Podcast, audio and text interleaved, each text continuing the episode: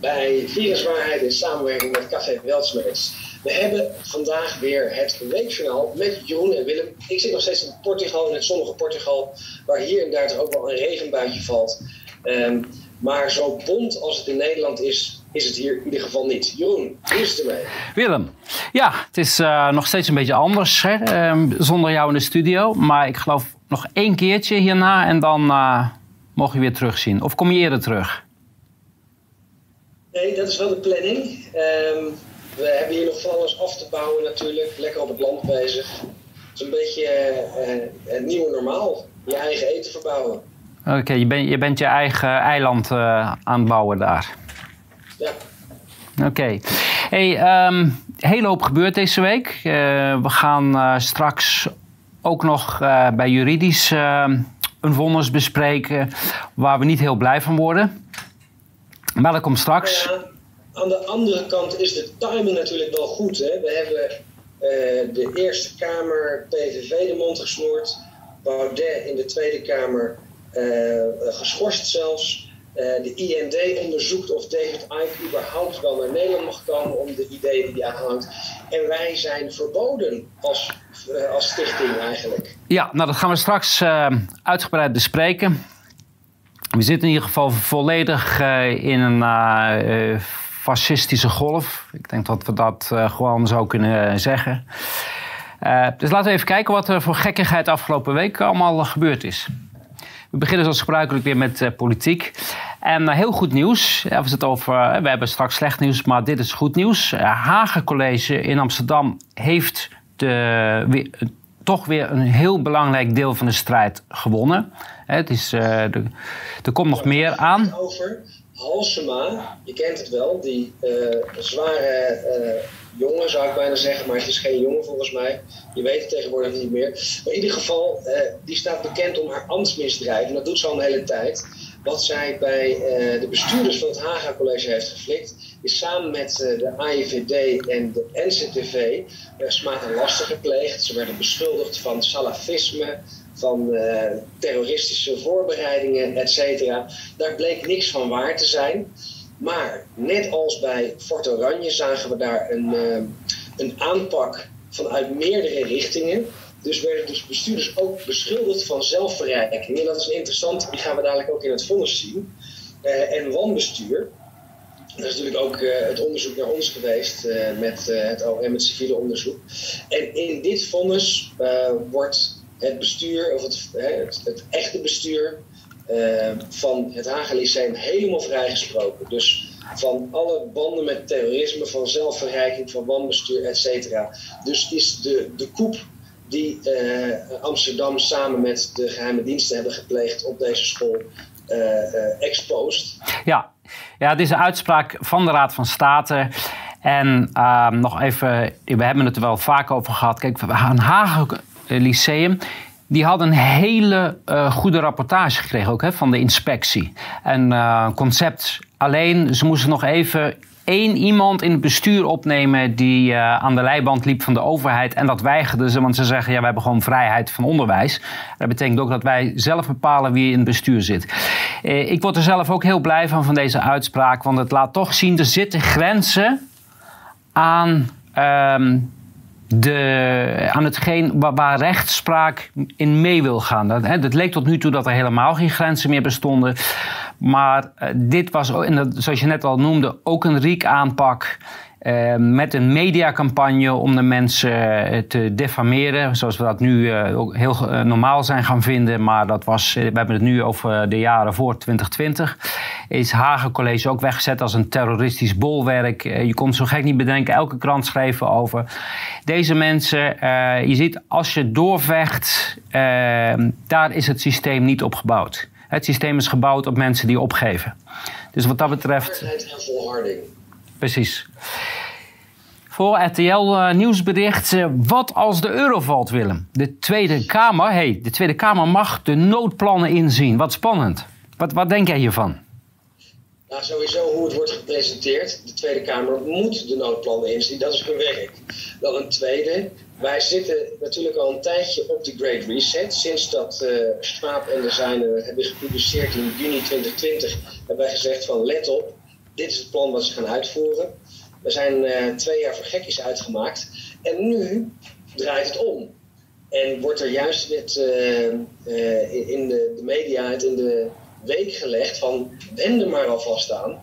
Want het einde van de euro en dus ook het begin van de central bank digital currency uh, zou er dus aan kunnen komen. Ja, de vraag is alleen welk noodplan laten ze zien. Hè? Want echt een noodplan is dat de gulden terugkomt. Het ligt allemaal al klaar. Maar ik ben bang dat ze een ander noodplan gaan laten zien. En inderdaad dat het vervangen gaat worden door een digitale uh, munt. We gaan het zien. En Europa profiteert niet van de lage olieprijs met dank aan de ECB. En dat komt dan door de inflatie. We, olie wordt nog steeds in dollars afgerekend en de euro die zakt onderuit uh, tegenover de dollar. En dat uh, gebeurt onder leiding van uh, zo'n mevrouw Lagarde, is zij. En ehm, zij is ook iemand die al in het verleden de ene oplichtingsschandaal en bedrogschandaal naar de andere aan de broek heeft. Dan ben je heel geschikt voor zo'n baan. Von der Leyen, dat zijn allemaal mensen die geselecteerd zijn juist omdat ze zo volledig corrupt zijn. Uh, en wat ik hier nog over wil zeggen, ik had het daar toevallig met General Flynn over. Uh, wat we zien is dat de OPEC Plus, de BRICS en de Verenigde Staten uh, en China allemaal aan het vechten zijn over de prooi Europa. Europa heeft zichzelf in de voeten geschoten. De inflatie is niet meer te controleren en we zijn energieafhankelijk geworden. Nu is het eigenlijk prijsschieten voor al deze partijen. Wie kan Europa het meeste afzetten? Dat is waar we nu. Nou, het is de uitverkoop. Hè? Het is uitverkoop, ja. ja. Grimmige voorspelling. Aantal Nederlanders met kanker zal fors stijgen. Um, ja. dit weer in de week leggen. Ja. er zijn al een paar onderzoekjes geweest en dan wordt er gezegd van ja, maar dat komt niet door de prik, want het gaat over de jaren tot, tot 2020. Ja, maar wat, wat zegt dit? Ten eerste hè, merkt hij al op 800.000 mensen die kanker hebben. Is dat zo? Erg veel. En dat worden er dan 1,4 miljoen. Uh, waardoor door de climate change of misschien toch wel door de prik. En het normaliseren, dat we het gewoon vinden dat er dadelijk heel veel mensen kanker krijgen, dat is uh, eigenlijk uh, dit, daar is dit een, een, deel van. En dan kan je daar weer een uh, prikje tegen nemen. Hè? Dat, ik, daar hebben we straks geloof ik ja. Uh, nu checkt, heel goed. Uh, nu.nl nu die hebben een eigen factchecker en die weet ons altijd uh, heel goed te vertellen hoe het zit. En de overheid beweert terecht dat coronavaccin virusverspreiding tegengaat. En daar wil ik daar eerst even wat over zeggen nog. kijk, waar het over gaat het is helemaal niet de vraag of het tegen gaat, hè, want dat weten we niet. Eh, of tenminste, we weten het eigenlijk wel. Maar het om gaat is, we hebben een, uh, er is een vergunning. Aan die vergunning, uh, de toelating door de EMA. En in die toelating, daar staat een intended use in. En daar staat bij, het mag alleen maar gebruikt worden voor deze intended use. En die intended use is actieve immunisatie. Dat betekent voor elk ander gebruik mag niet. Dus je mag het nooit gaan gebruiken om, te, om verspreiding tegen te gaan. En dat is de hele discussie. Want anders ben je met off-label gebruik van een experimenteel middel wat al voorlopig toegelaten was. Overigens is vorige week, geloof ik, is het uh, definitief toegelaten. Zowel uh, Moderna als Pfizer. Heel merkwaardig. Op, op terug. Ja, kijk, uh, er is toegegeven door Pfizer. Er is geen onderzoek gedaan, maar ook daar moet je weer een stap terugnemen. Als je kijkt naar de opzet van dit prikje, dan is het nooit de verwachting geweest dat het transmissie zou tegenhouden. Het maakt geen eh, immunoglobuline A aan. Dus eh, deze antistoffen komen helemaal niet op de plekken waar je een infectie zou tegenhouden. Daarom is er geen onderzoek gedaan, omdat helemaal niet de verwachting is dat nee. het überhaupt iets kan tegenhouden. Nee, ze wisten van tevoren, terwijl voor een corona kan je nooit een uh, steriel, uh, steriele vaccin of immuniteit uh, creëren met een vaccin. Ja. Net als bij de griepprik. Hè? Want die vergelijking maken, dit hele concept is natuurlijk gebaseerd op die, op die influenza-prik. Dan doen ze trivalente of quadvalente.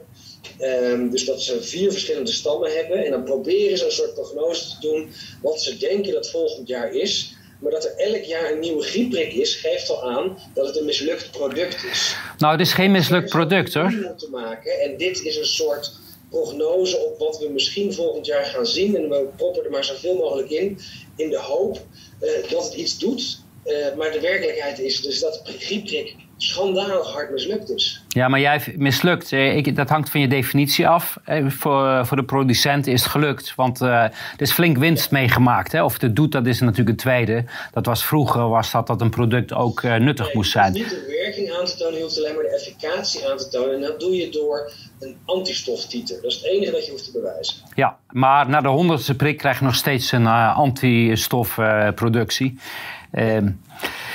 Eigenlijk door de adjuvanten gedaan. Ja. Dus het, het, het, bewijst niks en het is uh, waardeloos. Maar uh, goed nieuws, de audiobestanden van de OMT-vergaderingen die zijn toch niet vernietigd. Uh, grappig, want we hebben in augustus, september, wanneer was het? Augustus 2020? Ja, 25 augustus 2020 hebben wij dit geëist in een 843A-procedure, meen ik mij te herinneren. Uh, ik meen dat wij eisten toen de gespreksverslagen en die weigerden ze toen te geven. Ze zeiden niet dat die er niet waren, maar men zei uh, nee, die konden ze niet geven, want anders kunnen die wetenschappers namelijk niet meer vrij uitspreken. Ja, dat was vooral die George Haringhuizen. En daar moeten mensen echt maar eens na gaan kijken. Dat is een beetje de Rutte van, uh, van het RIVM. Een professionele leugenaar die echt alles bij elkaar liegt. Of hij voor een rechter zit, maakt niet uit. Hij gaat gewoon door. Ja. Um, maar uh, ze zeggen, ja, het is dus duidelijk geworden dat die uh, opnames er zijn, want ze hadden eigenlijk vernietigd moeten worden. Dat, is, dat is de grap, want uh, in, datzelfde in diezelfde brief zegt hij, ja, hij betreurt die situatie en het had, dus automatisch is het geüpload kennelijk naar het systeem, maar ze gaan het systeem nu inrichten dat toekomstige uh, de opnames gelijk vernietigd worden. Heel merkwaardig, want uh, kijk, ze weigeren ook die opnames vrij te geven. En dat is het belang van de staat, meen ik. Of, uh, dus dat, dat, Ja, zogenaamd voor de privacy. Maar waarom zijn deze opnames interessant? Niet over het nagaan hoe die OMT-verslagen tot stand zijn gekomen, die adviezen, want dat weten we, dat heeft de NCTV gedaan. Voor ons is het interessant om te kijken uh, op welke manier is het OMT buitenspel gezet? Nou, ik denk als je die gespreksverslagen hoort dat het helemaal niet gaat over die adviezen. Denk je van wel? Dat denk ik ook. De geplande coronamaatregelen per sector op een rijtje. En dat is weer van, uh, ik meen van nu of van RTL. Uh, eh, en dan staat erbij, wat zijn de plannen precies? Hè? Dat is leuk, zo'n informatief stukje. Kijk, hadden we met echte media te maken, hadden ze natuurlijk gevraagd: hoezo plannen, hoezo maatregelen. Maar de, de, de propagandakanonnen die zijn weer flink losgelaten op ons. En we moeten nu klaar, we moeten het nu normaal gaan vinden dat de horeca, het onderwijs, verpleegzorg en noem maar op weer beginnen met maatregelen. En de verpleegzorg is al begonnen daarmee. Hè. We hebben al heel veel signalen gehad van alle kanten dat mensen worden weer in quarantaine gezet. En de QR-code allemaal weer terugkomen. Ze willen per se doordrammen. En uh, nu alles bekend is, uh, wil ik echt mensen op het hart drukken. Um, onverbiddelijk zijn als een bedrijf of dienst toch weer dit soort fascistische maatregelen neemt. Keer ze dan voor goed de rug toe. PVV Eerste Kamerfractieleider eh, Marjolein Faber de mond gesnoerd door Senaatsvoorzitter VVD. Ze beledigde Rutte. Ik heb dat stukje gezien. Um, ik ook. Het is dus heel bijzonder. Ze mocht het woord brabbelen niet gebruiken. Nou, er waren nog veel meer woorden. Ze zijn namelijk Rutte. En het is minister-president Rutte of uh, wat, wat, mocht die nog, wat mocht ze nog? De heer Rutte. Maar de heer Rutte. Want, dat is, uh, want zo praten we niet over ministers. Het, het was heel, wat, wat op mij overkwam was... Hier was een afspraak gemaakt. Wij gaan niets meer toelaten. Wij gaan bepalen wat hier gezegd wordt. En het is niet de taak uh, om het kabinet te beschermen. Zij zijn er om het kabinet, de regering, te controleren. Ja, maar het is maar hoe je het ziet. Kijk, deze mensen zijn daar met een reden neergezet. Er is een koep gepleegd. En steeds meer mensen zien die koep. ik zag net nog een stukje van Nigel Farage. In, het Verenigd Koninkrijk precies hetzelfde. Daar wordt ook openlijk gesproken over de koep die is gepleegd. En dat is in Nederland ook erg belangrijk. En dat is de reden waarom het uh, woord wordt ontnomen. Op het moment dat meer partijen, zoals PVV en FVD, gewoon openlijk zeggen dit is een schertsvertoning, dit is een koep, jullie moeten uh, voor een tribunaal. Ja, dat is te veel waarheid. Dat kan niet toegestaan worden. Want dit toneel, dit theater, is namelijk het onderdeel van de. Ja. En de aanval is vol geopend op iedereen die de waarheid nog durft te zeggen. Maar één, eh, ik zie wel een voordeel. Kijk, al deze mensen, als uh, straks in Scheveningen krijg je gewoon een detentienummer. Hè? Dan kan je ze ook bij een nummer aanspreken. Ik, dat, uh, dus daar kunnen ze dan misschien vast aan wennen. Veiligheidsberaad voor dwang asielopvang deze wet moet er komen en wel zo snel mogelijk. En dat zie je in heel veel landen op dit moment gebeuren. In Duitsland heeft, um, hadden we die vorige week eh, in de uitzending? Ik, die hebben een, uh, de wet niet alleen ingevoerd, ze hebben, hebben hem ook uitgevoerd. Mensen, ze voeren hem uit. Dat betekent op dit moment leegstaande gebouwen. Uh, wordt slot opengebroken en wordt ingericht om asielzoekers op te vangen. En dat gaat bij ons denk ik ook gebeuren. Want dat is waar men al heel lang naartoe wil. Denk aan de activering uh, van, de, van de wet. Wat een paar maanden geleden een hoop uh, stof heeft doen opwaaien. Maar, de wet van 1952 en dat wordt ja. dan per lid, per artikel wordt het ingevoerd. Uh, dat mensen een beetje eraan kunnen wennen. Ja. Maar het is allemaal onderdeel van de koep. Ja, want als je dan een paar kamertje vrij hebt, dan passen daar best nog een paar asielzoekers in. Dan kan je ook gelijk de, de, de, de verwarmingskosten kan je delen. Um, en de staat bepaalt. Want zo'n heel huis alleen voor jezelf, dat, is een, ja, dat, dat, dat moeten we maar vergeten. In het nieuwe normaal, we worden allemaal een stukje armer. Heb je van elkaar gehoord? Dat betekent ook dat we allemaal met elkaar huizen en de douche moeten gaan delen, noem maar op. Dus dit is even wennen. Um, ja, moet ik wel één ding bij zeggen. Kijk, de mensen die gewoon de regeltjes opvolgen, die zullen hier niet door geraakt worden. Dit is natuurlijk een stok om dissidenten mee te slaan. Oh, je denkt dat ik een paar um, asielzoekers in huis ga krijgen, Willem? Dat denk ik wel. En dat, dat is waar alles om gaat. Alles opgeofferd voor het hogere doel. Die klimaatagenda. Niet meer vliegen, Schiphol, uh, noem maar op. En, en dat is inderdaad wat het is. Hè. er zijn een hele hoop mensen die vinden dat dood. Die vinden het echt normaal om een hele leven. En ze, um, op te geven uh, om voor een doel wat totaal irreëel is en ook niet. We moeten nogmaals benadrukken. De rol van Europa, of de uitstoot van Nederland alleen, is 0,28 procent. Nee, veel minder, nog, nog, nog veel minder. Ja. Als wij al als je het verhaal al gelooft over de CO2 en de global warming, dan nog zouden onze inspanningen niks uithalen als de grote partijen niet meedoen. Maar het geeft wel een goed gevoel. Inmiddels dat het CO2-verhaal een hoax is um, en dat het eerder omgekeerd is, dat als de CO2 te ver afneemt, dat dan het leven op aarde in gevaar komt. Uh, ja, maar dit, dit heeft alle neigingen van een soort doodscultus. Ja, het is een. Zoveel ja. geweld aandoen totdat je uitsterft. Het is een secte. En het is een, uh, een, een, een, dit is wat je noemt een waanzin. Hè? Dat, dit mag je een waanzin noemen, denk ik. Ja. Uh, wie zijn de piekbelasters? Dat gaat over die 500, 600 uh, boeren die uh, op, een op een lijstje zouden staan, wat Remkes gezegd had. Jij denkt dat die lijst nooit bestaan heeft, Willem? Ja, nou ja, dat, dat denk ik omdat het uh, zo triviaal is en dat ze nu dan kwijt zijn en niet weten. Maar jij dacht dat ze misschien, uh, nu ze uh, de plannen er toch door hebben, dachten van nou ja, laten we maar niet meer agiteren, we houden hem geheim. Ja, dat lijkt mij meer voor de hand liggend, maar we weten het niet, het is speculeren. Ja, dat krijg je als ze alles achterhouden. Ja. Bosma hekelt toenemende macht Huub Bruls. Gekozen door niemand, maar wel met een waffel van hier tot Tokio. Ik vond een hele goede speech die hij hield. Uh, ook over de, hè, die burgemeesters worden niet gekozen. Dus die hebben ook, uh, het interesseert ze ook helemaal niets wat de burger van hun denkt. Want het hangt er niet af wat de burger denkt. Het hangt er vanaf wat ze bazen en uh, eh, wat ze baas denkt. Want anders worden ze niet, straks krijgen, komen ze niet in aanmerking voor een nieuwe positie als burgemeester. Dus je moet vooral de macht dienen. Misschien moeten ze toch een keer gaan verantwoorden, want wij gaan Bruls oproepen als getuige in mijn rechtszaak hiervoor. Ja, ik ben benieuwd uh, of dat uh, toegewezen wordt. Het zou toegewezen moeten worden.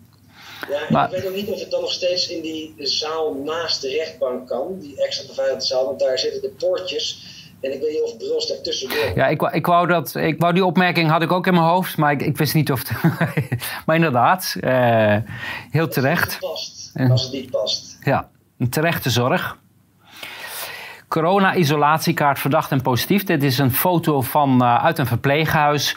Het begint weer. Mensen worden weer eenzaam op een kamertje gezet. Dat hebben we over mensen die 80, 90 aan het einde, de laatste jaar, tijd, jaren van hun leven. En worden ze, mogen ze alleen eten. Eten wordt voor de deur gezet. Ze zien alleen maar mensen met masker, met uh, handschoenen, met een pak aan. Uh, we hebben dat 2,5 jaar uh, geleden, vanaf sinds 2,5 jaar geleden hebben we dat gezien. En ik dacht dat we dat nooit meer zouden doen. Of in ieder geval de mensen een keuze geven. Um, maar we gaan het gewoon weer doen, Willem. Ja, en dan snap je ook beter waarom zulke uitspraken van mij uh, ook in mijn strafzaak worden betrokken. Dat ik zeg van uh, mensen worden gegijzeld. Ik dacht dat we dat nooit meer zouden doen. Hier is het telefoonnummer van het zorgtehuis. Uh, dat dat als opruiming wordt gezien. Ja, omdat dit plan nog helemaal niet uit is gewerkt. Alle useless eaters moeten uiteindelijk wel worden opgeruimd. En daar kunnen we niet bij hebben dat die directeuren worden lastiggevallen door bezorgde burgers. Ja, als je in een verpleeghuis zit, zit je feitelijk in een val. Je kan ook weinig weerstand bieden tegen die prikjes. Ik weet niet hoe het in, in Duitsland weet ik dat je, je kan geen weerstand bieden, want je wordt gewoon het huis uitgezet als je weigert uh, te prikken. En die, die getallen die je dan ziet, dat ze in één keer zoveel mensen geprikt hebben, dat zijn meestal min of meer dwangvaccinaties. Ze gaan al die verpleeghuizen af en dan worden ze uh, aan de lopende band, net als vee, worden ze, krijgen ze een prikje. En daarna mogen ze. Ja, in, in Duitsland is er op dit moment ook een discussie gaande. Ze zijn verplicht in alle gemeenschappelijke ruimtes een mondkapje te dragen. Nou, voor ouderen, dat hoef ik jou niet uit te leggen, is dat funest. met een zwakke gezondheid en dan de hele dag met zo'n. En dan hebben we het over FFP2-maskers. Niet over die maskers waar aan alle kanten uh, nog ruimte is om te ademen. Uh, ik denk dat je gelijk hebt. Dit is de grote schoonmaak, de grote opruimactie. Ja. Motie van Houwelingen eh, over uitspreken dat het wenselijk is dat het Koningshuis alle banden met het uh, World Economic Forum verbreekt. Hele goede motie. Natuurlijk, het, het is eigenlijk een, een inkoppertje. Het Koningshuis mag zich niet politiek uiten. Maar dan kijk je toch en dan zie je allemaal rare rode bolletjes. Ja, je zou denken dat dit een, uh, een, een, een doel voor open. Uh, ja, zo'n 150 stemmen, want natuurlijk is het zo. Dat is volgens de grondwet. Ja, maar kennelijk niet. En uh, wat me wel opvalt is dat Omtzigt wel mee voorgestemd heeft in dit geval. Ja, maar misschien begint hij een beetje te draaien. Ik zie dat ook bij andere partijen. Den Haan af en toe weer goed. BBB. Partij van de Dieren, maar het is nog te weinig. Ja, veel te weinig. Eh, kijk, in, in, in zo'n uh, constellatie kan je ook makkelijk af en toe iemand even gunnen om juist te stemmen, zodat de aanhang weer een beetje in de war komt van hé, hey, dat ze denken van hij is toch aan het wakker worden. Maar zoals je zelf zegt, eh, af en toe mogen ze dat even, maar daarna moeten ze wel weer in het geheel. En over eerste grote wijziging embryo-wet sinds 2002. Dit is schokkend nieuws. Transhumanisme was twee jaar geleden echt uh, complottheorie en vooral antisemitisch. Uh, inmiddels snappen we dat antisemitisch geen betekenis meer heeft, anders dan je bent tegen de macht. Maar Kuipers, die doet het. Ja, Kuipers, dit was natuurlijk al lang voorbereid. We hebben dat ook gezien in, ehm, in het grote debat wat de Gezondheidsraad volgens mij heeft georganiseerd ehm, over genetische manipulatie. En ja, dit zit helemaal in die lijn van transhumanisme. Komt ook bijna synchroon met uh, de verordening uit de Verenigde Staten. Dus ook hier zie je weer een internationale agenda uitgevoerd. En let op, hè, dit zijn experimenten die men nu doet die taboe waren. Hè. Dat, dat was niet eens bespreekbaar. En terecht, want het gaat in tegen de menselijke waardigheid. Uh, het is... Ja. Dus de, de, embryo's, dat zijn dan hybrid embryo's, uh, uh, deels menselijk, deels dierlijk, waar dan proeven op kunnen worden gedaan. Ja, maar everything goes hè, in het nieuwe normaal. En ja, de, de schorsing van een uh, oppositiekamerlid is een aanval uh, op de democratie. Dat, dat lijkt mij. Uh... Ik krijg dan af en toe vragen van: ja, maar waarom doet hij dan niet eventjes snel die stukken aanleveren als het toch al openbaar ja. Dat het goed is om aan te geven. Dat, dat, dat doet de FVD heel goed. Het is een principe kwestie. De Kamer zit er niet om zichzelf te controleren. De Kamer zit er om de regering, in dit geval het regime, te controleren. Op het moment dat uh, de Kamer bezig gaat met zichzelf controleren, dan krijg je de dictatuur van de meerderheid. Allemaal van dit soort roepels gaan alleen maar om gehoorzaamheid afdwingen. Ja, helemaal mee eens. En uh, dan hoor je altijd, ja, maar we, we maken, hebben toch die afspraken met elkaar gemaakt en die moet toch iedereen naleven? Nee, die afspraken hebben we niet met elkaar gemaakt. Het gaat over het onderliggende principe. En uh, ik, ik, ben, ik, ik vind het uh, heel goed dat zij een principe. En, en, deze regeltjes zijn pas opgesteld na de koep. Ja. Mei 21 volgens mij. En toen was dus die koep al lang gepleegd. Hè. De, de verkiezingsfraude is bewezen. Dus deze regels hebben ook geen rechtswaarde. En het hele kabinet, er zit een, een hele, uh, die, die, hele kabinet zit daar, die, die de, de stapels met corruptieverdenkingen. Die, die, hè, die, daar gaan we nu even naar kijken. Ja. Hoe hypocriet het is. Ja, u over Hugo de Jonge. Uh, Volkskrant heeft geprobeerd de gewiste sms'jes van Rutte boven water te krijgen. Uh, maar minister Hugo de Jong en andere relevante uh, bewindspersonen weigeren berichtenverkeer met Rutte vrij te geven. Is, dit is ook de dubbele moraal. Want dan denk je, ja, waarom uh, sturen we deze mensen niet weg?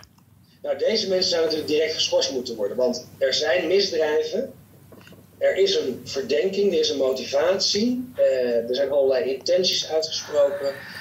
Rutte is natuurlijk vaak betrapt op leugens, Hugo de Jong hetzelfde dan willen we het bewijsmateriaal. En zeker de Kamer moet ten alle tijden het bewijsmateriaal kunnen inzien. Als er geweigerd wordt, hoort de Kamer of de Raad van State of welk uh, orgaan dan ook, zo iemand in voorlopige hechtenis te nemen totdat het bewijsmateriaal geleverd wordt. Of uh, arts-microbioloog Jan Kluitsman. Waarom sturen we hem niet weg? Hij vult zijn zakken met uh, coronatesten. Uh, heeft het niet gemeld. En als iemand het moet melden, is hij het wel. Kijk, let op voor uh, de FVD, voor Kamerleden, is het geen wettelijke verplichting. Het is een Kamerreglement uh, wat ze zelf hebben opgesteld. Dit gaat over, als jij in zo'n adviescommissie zit, hoor jij dit soort dingen te melden. Maar dat is niet alleen hij. Uh, Nico Kofferman, hij zit dan in het Eerste Kamer, zit hij geloof ik. Uh, hij heeft de vegetarische uh, slagen heeft hij eerder opgericht. Hij ontwikkelt nu plantaardige melk. En dat past helemaal bij de agenda die hij tegelijkertijd als, als lid van de Eerste Kamer helpt om er door te jagen. Dat betekent helemaal weg van het vlees, helemaal weg van dieren, dierlijke producten. En dan tegelijkertijd een bedrijf hebben die daaraan verdient. Ja, het, is, het kan. En dan de dwangsom inderdaad. Uh, men weigert om de stukken openbaar te maken. Terwijl een rechter gezegd heeft, u, uh, op basis van uh, de, de WO is dat tegenwoordig... van die stukken moeten openbaar gemaakt op, onder oplegging van een dwangsom. En VWS zegt, nou we betalen gewoon de dwangsom. Ja, dit, dit heeft... Ja, dit is, dit is een, hè, als je in een normale strafzaak bent... dan hè, dit heet dan pleading the fifth ongeveer in de Verenigde Staten. Maar we moeten het wel bezien vanuit de staat. Als de staat gepakt is en het bewijs niet wil leveren, dan moeten we uitgaan van schuld. Ja, helemaal mee eens. Komen we bij energie. Klimaatminister Jette. Nederland stapt uit energieverdrag ECT, dat is de Energy Charter Treaty. Um, en dat gaat over, dat is, een, dat is een verdrag wat is gesloten om de, uh, om de energiezekerheid uh, te garanderen of te vergroten. En dat doen we. Eventjes, de, de reden die wordt aangegeven door Jette is anders halen we de klimaatdoelen niet. Maar nu wordt er dus, ja, is dit terrorisme zou je kunnen vragen. Er wordt de bestaanszekerheid, wordt er afgesloten of wordt uh, uh, te grabbel gegooid. En dan kom je weer op die artikelen van de grondwet 2021, 22 om klimaatdoelen te halen die nooit zijn gestemd. Hè. Daar is ja. geen democratisch mandaat voor. Dus ja, dit, dit lijkt of neigt naar terrorisme. Ja, maar als je deindustrialiseert, ja, dan is energiezekerheid ook niet meer zo belangrijk. Ik zat vroeger veel in Afrika, daar was het ook heel normaal dat een paar keer per dag de stroom uitviel. Maar ja, er werd ook niks geproduceerd. En dat is waar we naartoe gaan. Want, eh, en ik denk dat mensen dat onvoldoende beseffen, dat die klimaatdoelen gaan alleen maar gehaald worden als we deindustrialiseren. Dat betekent dat alle industrie, alles waar we geld mee verdienen, uh, gaat verdwijnen. En dan zitten we hier uh, in een uh, primitieve samenleving, worden we weer, hè, waar, waar, waar, verder niks is. Maar dan haal je wel je klimaatdoelen. Hè? Voor... Save the planet. Slimme meters verre van feilloos? Hoe ontdek je een kapotte meter? Het is weer een argument voor de mensen die uh, moeite hebben met betalen. Het zij door financieel, het zij door morele bezwaren. Uh, vergis je niet, we hebben het vorige week, de week ervoor al gehad over dat het gas misschien is aangelengd. En dat de calorische waarde dus minder is en dat daarmee al oplichting gebeurt. Hier gebeurt het dus ook mee. En dan wordt er uh, verscholen achter van ja, dat is een foutje geweest. Maar er staat dus genoeg ter discussie om je rekening niet zomaar klakloos te betalen. Ja, dus je, wat stel je voor? Een onderzoek uh, laten doen naar je meter. Je zegt, het kan niet kloppen. Ja. De rekening betwisten. Maar ik hoorde uh, van de week ook dat uh, het is toch heel moeilijk om met uh, die energiebedrijven in discussie te gaan, want ze reageren gewoon niet. En het enige waar ze mee reageren is ze dreigen met, uh, met afsluiten. Maar elke discussie die je wil aangaan, wordt vermeden. En dat is, ja, dat is wel een probleem, denk ik. Besparen. Uh, één keer installeren en elk jaar ruim 130 euro besparen. En dan kan je van die strips en zo aanbrengen. En dan kan je dus uh, um, in 130 euro. En dat is heel mooi, want als je dan een rekening hebt van 6000 euro, dan wordt die uh, 5870 euro. Dat is toch een heel verschil, Willem. Precies, het is een druppel op een gloeiende plaat. het is weer dat micromanagement, maar het geeft ook een ander doel aan. Hè? Er wordt gewoon heel opportunistisch gebruik gemaakt om allerlei uh, labels en, en klimaatdoelen te behalen via die energieprijs. En de gebruiker betaalt. Natuurlijk. Altijd. En bus en de tram in het hele land vanaf 2023 flink duurder. Dus mensen hebben net hun auto allemaal weggedaan. kunnen ze niet meer betalen, benzine niet meer te betalen. Dus ze denken, nou, dan pak ik de tram wel. Nou, laat die nou ook eh, toevallig duurder worden. Ja, en op deze manier, dit is een, uh, een neerwaartse spiraal. Je komt steeds vaster in een afhankelijkheidssysteem. Nou ja, je, je mag je huis niet meer uit. Je moet gewoon thuis zitten en daar moet je alles doen. Achter je laptopje of achter je beeldscherm. En uh, je hebt buiten niks meer te zoeken. Daar komt het op neer. En dan kon je vast aan wennen met die lockdowns, met die avondklok. Het was niet tegen het virus, nee. Het was om te wennen, om gewoon lekker thuis te zitten en uh, niet meer naar de horeca te gaan. Als je terugkijkt, alle, dat was allemaal training. Hè? Dit is een uh, tweet van jou. Een tweet van jou. Ongelooflijk, Zelensky is een komiek, corrupt en een speelbal. Hij had duizenden levens kunnen redden, maar hij koos voor oorlog. En ehm, Julian Assange was zijn tegenkandidaat. het gaat over de Sakharovprijs. En die is dus gegeven aan Zelensky. En dat is volgens mij een prijs voor degene die het beste communiceert.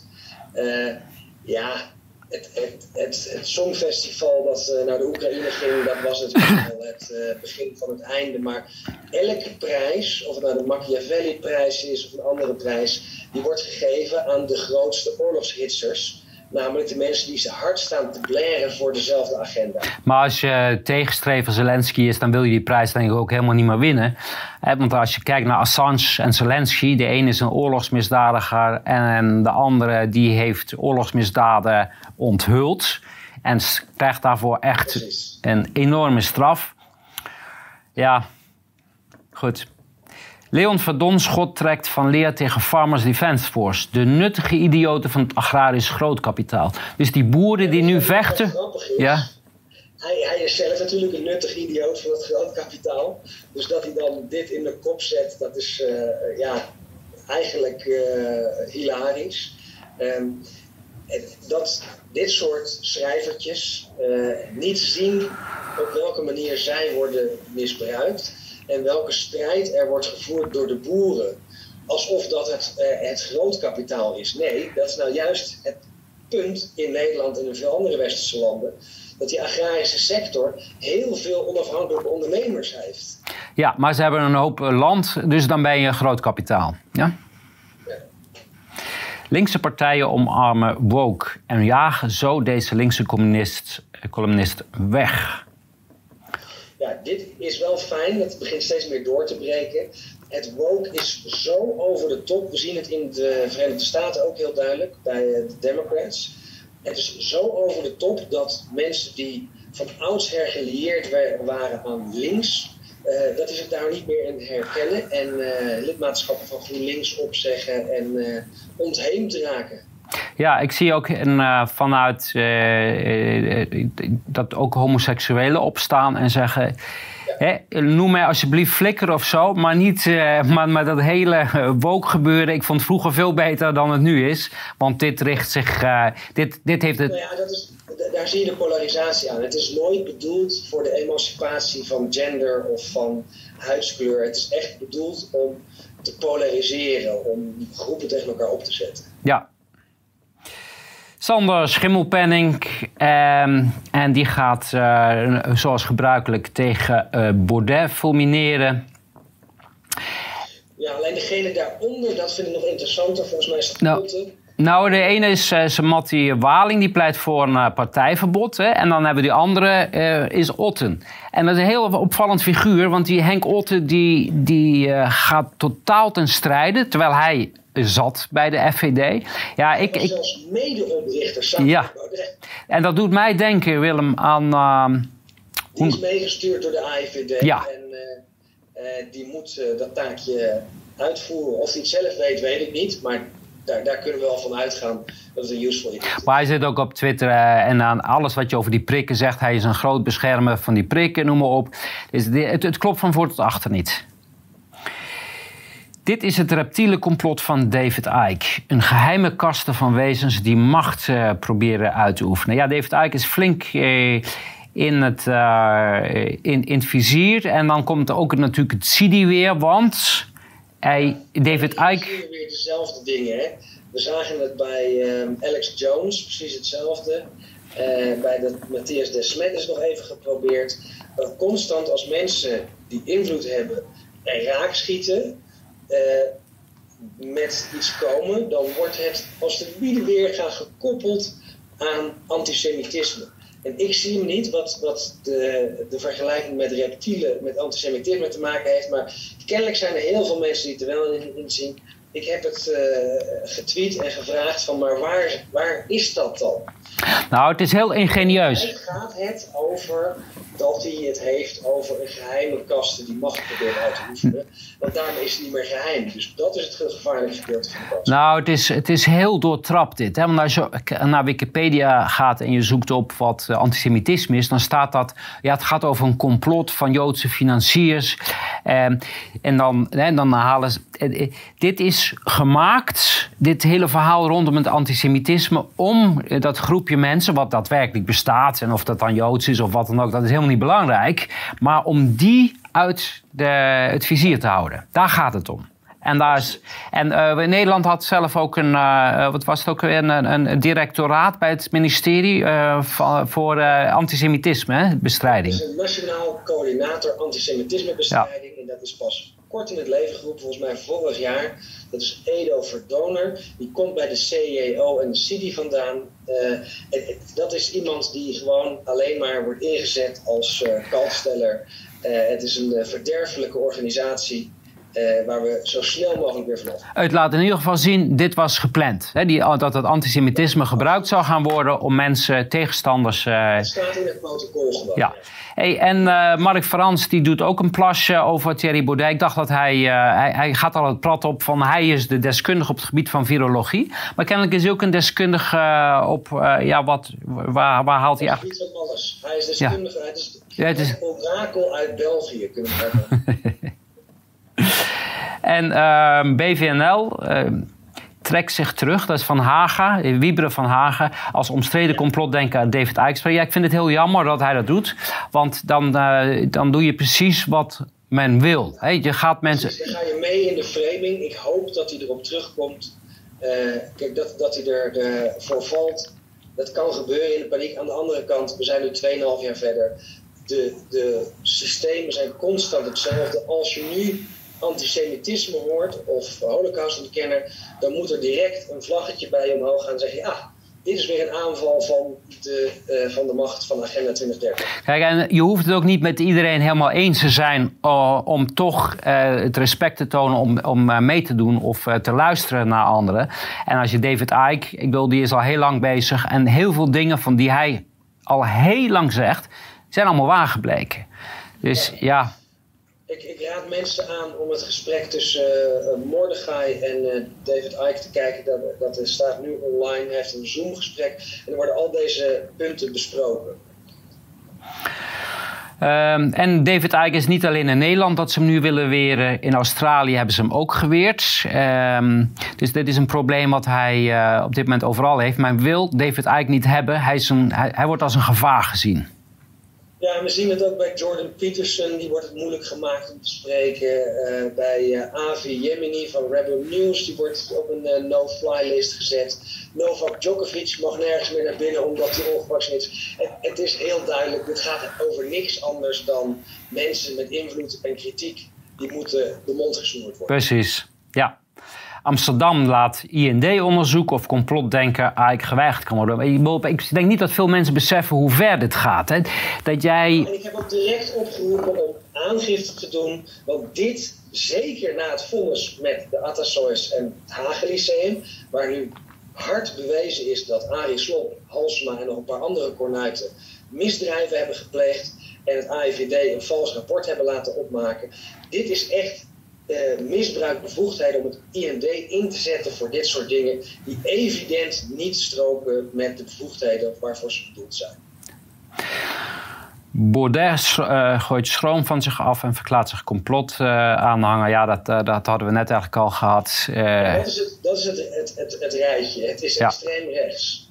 Antisemitisch, terroristisch en gek. Of complotdenker. Complotdenker. Dat je, Reptilians. En dan reptielen verwarren met reptilians. En uh, uh, ja, dat, ik snap wel dat hij ze reptielen noemt. Uh, ik, wil, ik begrijp dat. Als je twee, drie jaar lang dit beleid ziet, dan zo, ja. Ja, die, die, die connotatie komt eigenlijk een beetje van de lizard brain. Als je kijkt naar de hersenstructuur van reptielen, die qua ontwikkeling, als je in de evolutie gelooft, wat lager dan ons staan, uh, dan zie je dat de hersenstam uh, met de aanverwante organen, dat die heel erg vergelijkbaar is. Maar dat zeker de, de, de, grote en de kleine hersenen bij vogels en bij zoogdieren veel verder ontwikkeld zijn. Maar ja, dat...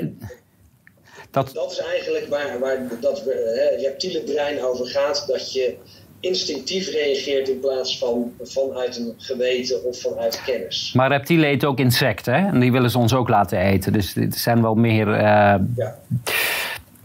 Erg grappig, maar ook droevig uh, om te zien. Uh, zoekt de, de, wat jij zegt, de betekenis van reptielenbrein. Het is een metafoor. Maar men probeert het natuurlijk in het ridicule te trekken. Kijk, hij gelooft dat het reptielen... Ja, ja, en, dit is precies hetzelfde als ze bij mij hebben gedaan toen met die overstroming in Limburg. Oh, hij zegt dat de overstroming er niet is. Dan denk ik, hé, nee, kijk het filmpje nog eens terug. Ik zeg, wel vreemd dat die overstroming daar is. Dan zetten we vraagtekens bij. Uiteindelijk hebben we daar gelijk in gekregen. Het is gesaboteerd. En de CO2 en de effect van de global warming, dat hebben we een hoax genoemd. En het is constant het vilijnen van de media die alleen maar op zoek is naar het goedkoop scoren in plaats van de waarheid. Nou, ze gingen verder bij, uh, bij, oh ja, bij Gideon, vroeg uh, een, een verslaggever van RTL. En zei, ja, maar uh, wie, wie, was dat nou, die verlopen man bij uh, voetbal... In, ja, Derksen.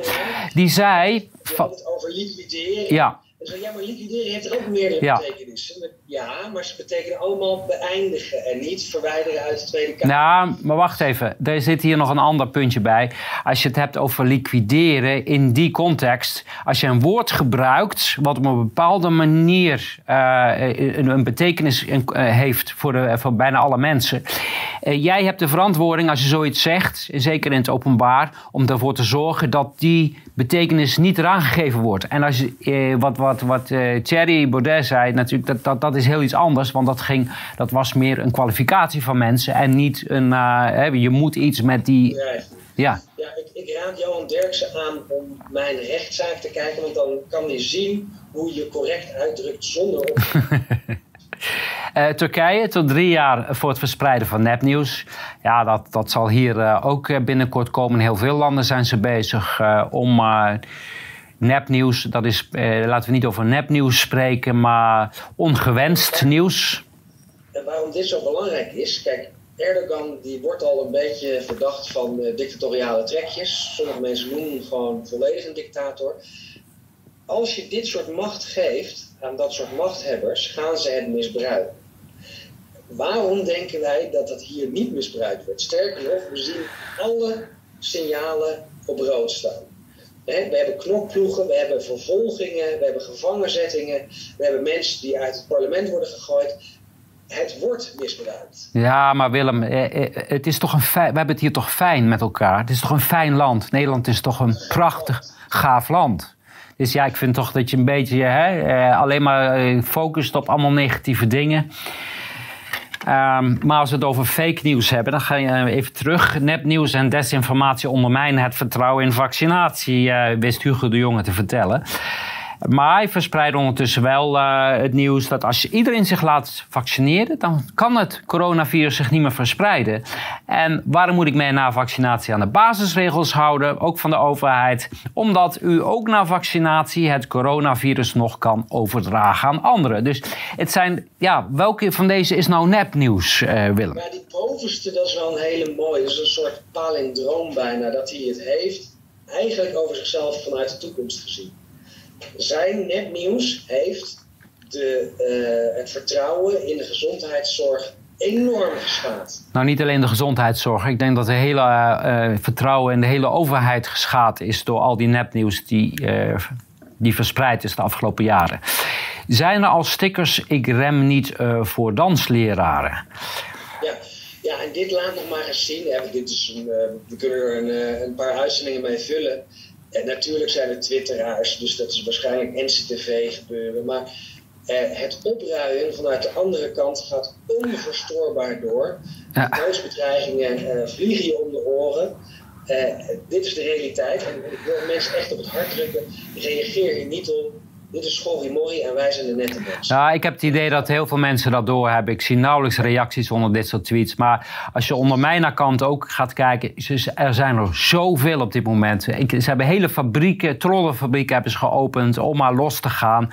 Eh, maar ik, ik heb het idee dat het steeds minder effectief wordt. Want ze zijn gezien en ze zijn betrapt. Even kijken wat er elders in de wereld uh, nog allemaal gebeurt. Ja, in Engeland, uh, Groot-Brittannië. Liz Truss, die, uh, die, die, die, die vertrekt. Net na zes weken, geloof ik, was ze daar. Zes weken, 45 dagen, nieuw record. Maar je moet er maar naast gaan staan. Zij heeft in haar ambtsperiode de koningin, de pond en de conservatieve partij begraven.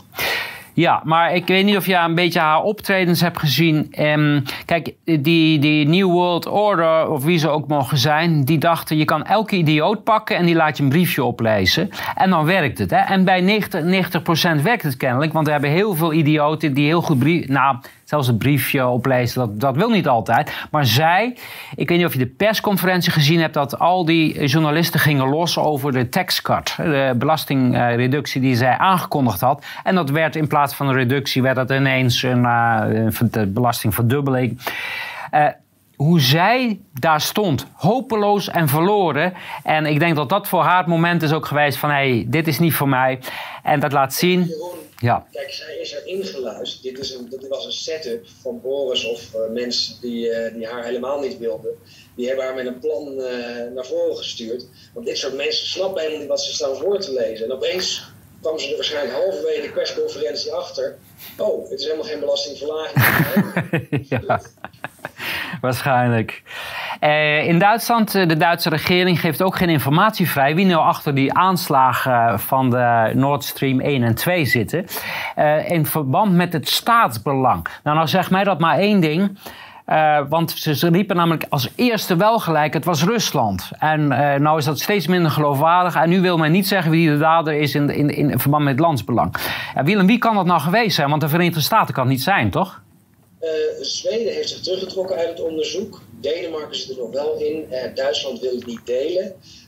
we hebben die motie van, van de Houwelingen volgens mij ook gezien. Dan kunnen we in ieder geval eh, stemmen over dat de VS niet wordt uitgesloten als verdachte. En die motie haalde het niet. Dus dit is een gewoon een publiek geheim. De Verenigde Staten heeft zelf of met hulp van die pijpleidingen opgeblazen. Want daarmee valt Europa ten prooi aan de energieleveranciers. Dat is Rusland, dat is OPEC, dat zijn de Verenigde Staten. Het is nu een bonanza van wie het grootste gedeelte van Europa financieel op de knieën krijgt. Ja, heb je dat filmpje nog gezien van Sjoerd maar? Want die denkt er anders over. Hè? Het is zeker uh, Rusland ge uh, geweest. Ja, waarom dan? Het is heel positief als Sjoerd Sjoerdsma dat zegt. is het duidelijk dat het niet zo is. Ja, maar de vraag kon hij niet beantwoorden. Wat is dan het motief? Ja, nou, dat, dat, is, dat is toch duidelijk wat het motief is. Want... Eh, eh, ja, maar eh, ze kunnen, hadden die pijplijn toch gewoon dicht kunnen draaien? Ja, uh, hij had er geen antwoord op, dat is duidelijk. Uh, er was geen motief. En waarom was er geen motief? Omdat het heel waarschijnlijk is dat het de Verenigde Staten was. Daar wijst alles op. En als het over ehm, ja, Hunter Biden... Het begint, een staartje te krijgen. hoewel nog steeds niet echt een volle glorie is, is, in het nieuws is gekomen. Kijk, die Hunter Biden laptop wat hij allemaal rookt en welke vieze dingetjes die doet, ben ik eigenlijk niet zo geïnteresseerd in. natuurlijk, als het pedofiel is, dan moet hij daarvoor voor de rechter. Het belangrijkste is dat hij de zoon van de president is en toen van de vicepresident. Dat er heel veel smeergeld is betaald, dat er een grote chantabiliteit aan hangt. En dat het dus onmogelijk is dat zo iemand nog president kan blijven. Ja, maar laten we eerlijk zijn. Als jij zo'n zoon bent van Joe Biden, moet het wel een wonder zijn als je niet verknipt bent hoor. Absoluut. En dit nogmaals uh, de bevestiging. Ja, uh, wacht even. Dit gaat over connect shocking uh, backdoor access into US election data. Dus het bleek dat er van buiten wel gerommeld kon worden met de, met de gegevens, met de stemgegevens. Ja, en dan wordt er naar China gewezen. Dat is mogelijk, maar het is ook mogelijk dat het door een andere groep is gedaan. In ieder geval een groep die aligned is met Agenda 2030. Ja, Fauci uh, die, die heeft gezegd wat? Ik heb nooit geadviseerd om uh, scholen te sluiten. Eh, ik heb mezelf gehoord, ik heb nooit over lockdowns, heeft hij ook nooit geadviseerd. Ik? Nee hoor, no, nooit. Dat hij binnenkort in het vloeiend Duits zal verklaren, ik heb het niet bewust. ja. ja, maar dit is echt brutaal hoor. Omdat jarenlang drama over lockdowns en dan het ik? Nee hoor, ik niet. Verrassing. EcoHealth landed uh, eh, 1 million grant. Die heeft een miljoen gekregen om, uh, om toekomstige pandemieën te voorkomen. Maar wat hebben ze nou gedaan? Ze hebben een uh, strain hebben ze ontwikkeld. die een COVID die 80% van de hosts dood. En nou, nou, nou ben ik natuurlijk een simpele ziel, Willem. Maar hoe ben jij dan op dat moment bezig om toekomstige pandemieën te voorkomen door hele gevaarlijke varianten te maken? Misschien kan jij dat als, uh, ja, toch... Ja, nou, Eco Health Alliance is dat uh, bedrijf van Pieter Dessek dat al uh, bezig was met gain of function tijdens het moratorium op gain of function. En via Eco Health Alliance is dus dat geld en dat onderzoek bij Wuhan uitgekomen. Dan hebben we het over 2014 tot 2018. Ehm, nu is het kennelijk weer toegestaan, maar datzelfde bedrijfje van Pieter Destek krijgt gelijk weer geld om gain of function te doen en ontwikkelt dan een zogenaamd uh, veel dodelijker stam. Ik denk dat het met de dodelijkheid wel mee zal vallen, maar het, het punt is, er wordt geld betaald voor gain of function, terwijl Fauci zegt, uh, nee hoor, dat doen we niet. Nou, we weten natuurlijk niet wat erachter zit. Het kan ook zijn, ze, hebben, ze testen tegenwoordig uh, die vaccins alleen nog maar op acht muizen. Dat ze nu daar, ze willen daar nu een virus bij hebben die dodelijker is dan de spuit. Hè? Want ik weet niet hoeveel van die muizen het overleefd hebben. En dan denk ja, als het, moet bij het virus moeten in ieder geval meer muizen doodgaan. Uh, Oh ja, eh, gelijk al in januari 2020 waren er heel veel aandelentransacties eh, van mensen die kennelijk wisten wat er ging gebeuren. Daar is flink geld mee verdiend. Ja, en het is volgens mij van Merrill Nash, ook een uh, van de uh, medici uit de groep van Kennedy. Daar hebben we het regelmatig hebben we daar meetings mee. Doet het supergoed. Uh, ja, het, het, bewijs blijft maar opstapelen. Het is duidelijk wat hier aan de hand is. Dit is een grote zwendel. En wat ik het meest opvallend vind, is dat er zoveel mensen aan meedoen en dat er zo weinig whistleblowers zijn. En dat heeft denk ik alles ermee te maken dat er hele sterke chantagemiddelen zijn Pedofilie is natuurlijk al genoemd. Maar ook dat er gewoon uh, wordt geliquideerd. Als outsider heb je niet zo'n grote kans om geliquideerd te worden. Het gaat vooral over de mensen die eerst hebben meegewerkt. Ja, want dan, uh, dan krijg je toch een heel riskante levensstijl als je uit de school klapt. Eh, de CDC die wil nu de COVID-vaccins gaan toevoegen aan het nationale vaccinatieprogramma. Dat betekent dat kinderen standaard eh, die vaccinatie moeten gaan krijgen. En dat ze ook als ze het niet nemen, dat ze bijvoorbeeld niet naar de kleuterschool kunnen. Ja. En zie je de gelaagdheid van de dwang. Hetzelfde als in Nederland. Schokkend. Uh, goed nieuws. Nou, goed nieuws. Ik, kijk, eh, de, de plannen om, een, uh, om quarantainekampen in te richten in de Verenigde Staten, ik, als ik het goed begrijp, is niet gelukt. Maar de echte vraag is natuurlijk, waarom heeft men dat tot plannen überhaupt? Want het is niet alleen in de Verenigde Staten. Het is ook in heel veel andere landen. Nieuw-Zeeland, Australië, over, Canada. Overal heeft men van die grote kampen ook al daadwerkelijk gebouwd. En het is mij nog steeds helemaal niet duidelijk waarom, wat het doel is. Want quarantainekampen voor een verkoudheidsvirus, ja, dan moet je gaan afvragen wat voor kampen zijn dit. Nee, dit zijn duidelijk uh, kampen gebaseerd op uh, wat China met de Oeigoeren heeft gedaan en nog steeds doet. Uh, politieke dissidenten, die kan je op deze manier uit de maatschappij houden. General Flynn, de, de, explosieve waarheid over de FBI. Zij hebben niet alleen uh, gehandeld bij de coup. Willem. Ja, nou wat je bij de FBI steeds duidelijker ziet, is dat er een purge uh, is geweest. Dat alle rechtsgeschapen en vooral conservatieve mensen eruit zijn gehaald. Dat alleen maar de, de lefties overblijven. En dat er dus op een hele nauwe manier wordt samengewerkt met de Clintons. Uh, dit is een, uh, private enterprise van de Clintons geworden. Uh, en dat is steeds duidelijker. Ja. Uh, op Okinawa groeit angst voor oorlog en afkeer van Amerikanen. In het bericht op de NOS. Het is al een hot topic geweest van verkrachtingen van Japanse meisjes door Amerikaanse militairen. Het is een van de outposts van, uh, van Japan. Daarom is het een belangrijke militaire basis voor Amerika uh, om China en Noord-Korea aan de gaten te houden. Uh, waar ik denk dat de onrust ook vandaan komt, is dat men niet meer weet of dat Amerika China nog wel onder controle heeft. dan gaan we naar de volgende. Xi Jinping is verkozen voor een derde termijn. hij bevestigt zijn status als opperste leider. Ehm, hij heeft een touwtje stevig in handen. Er was een paar weken geleden sprake van dat, hij, uh, dat een koep zou zijn geweest. Nou, daar is niks van uh, te zien.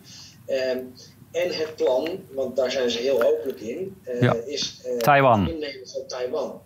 En de, als dat gebeurt, dat kan wel eens het kantelpunt zijn, of in ieder geval een signaal dat China de wereldmacht heeft overgenomen en niet meer de Verenigde ja. Staten.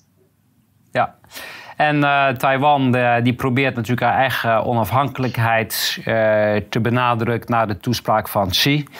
Ja, ik zou niet graag willen ruilen. Nou ja, ik denk dat zij ook niet met ons. Hè, want, en Frankrijk, enorme protesten tegen de NAVO. Ik heb er een paar gezien de afgelopen dagen. Eh, enorme mensenmasses. Maar wat je ook zag, de knokploegen van Macron, die brutaal erop losgaan. En het zijn letterlijk knokploegen. Hè. Dat heeft niks meer te maken met politie of met handhaving. Eh, het zijn puur allemaal uh, groepjes ongelooflijk agressieve, heel zwaar be bepanserde idioten. die erop losrammen op onschuldige mensen. Maar ik moet zeggen, um, de organisatie van die demonstraties die wordt steeds beter in Frankrijk. Hè. Ze, ze haken, er is ook echt een verdediging verdedigingslinie omheen om de klappen op te vangen. En ja, we zullen zien waar het naartoe gaat. Maar het, het blijft bizar met wat voor brutaliteit tegen onschuldige mensen eh, opgetreden wordt. Wat vooral heel opmerkelijk is, is dat de rellen in Iran natuurlijk eh, breed in het nieuws komen. Ja. Maar Frankrijk, iedereen zwijgt erover. Dus dit is niet volgens plan. Nee, nee precies. En uh, ja, de, als je de beelden ziet uit Frankrijk, het had zo uit Iran kunnen komen. Veel verschil is daar niet. Eh, dit is wat we net al zeiden, het nieuws dat Liz Truss die gaat terug. Maar Boris Johnson staat op de, eh, bovenaan de lijst om haar te vervangen. En dan denk je, ja, eh, hij is natuurlijk al een paar maanden weg. Dus iedereen is alweer vergeten wie die was waarschijnlijk en wat er gebeurd is. Dus dan kan je hem weer terugplaatsen. is het, ons, het collectieve geheugen inderdaad zo kort nog maar, Willem? Wat denk je? ik denk dat hij ook heeft, goed heeft gekeken naar Rutte en zo je kan gewoon alles maken. Ja, je komt overal mee weg. Maakt niet uit. Wat, wat er ook is. Hè? De dag, iedere dag is een nieuwe dag. Iedere dag is een nieuw begin.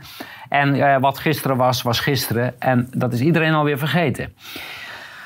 Ehm, de gezondheid, ja, dit gaat over Zuid-Afrika. Uh, Zuid-Afrika wilde prikken niet meer. En dat hadden we vorig jaar ook al gezien. Toen kregen ze als straf kregen ze een code, uh, wat was het toen, rood geloof ik? Dat je moest... rood voor Omicron, hè? want dat zou ja.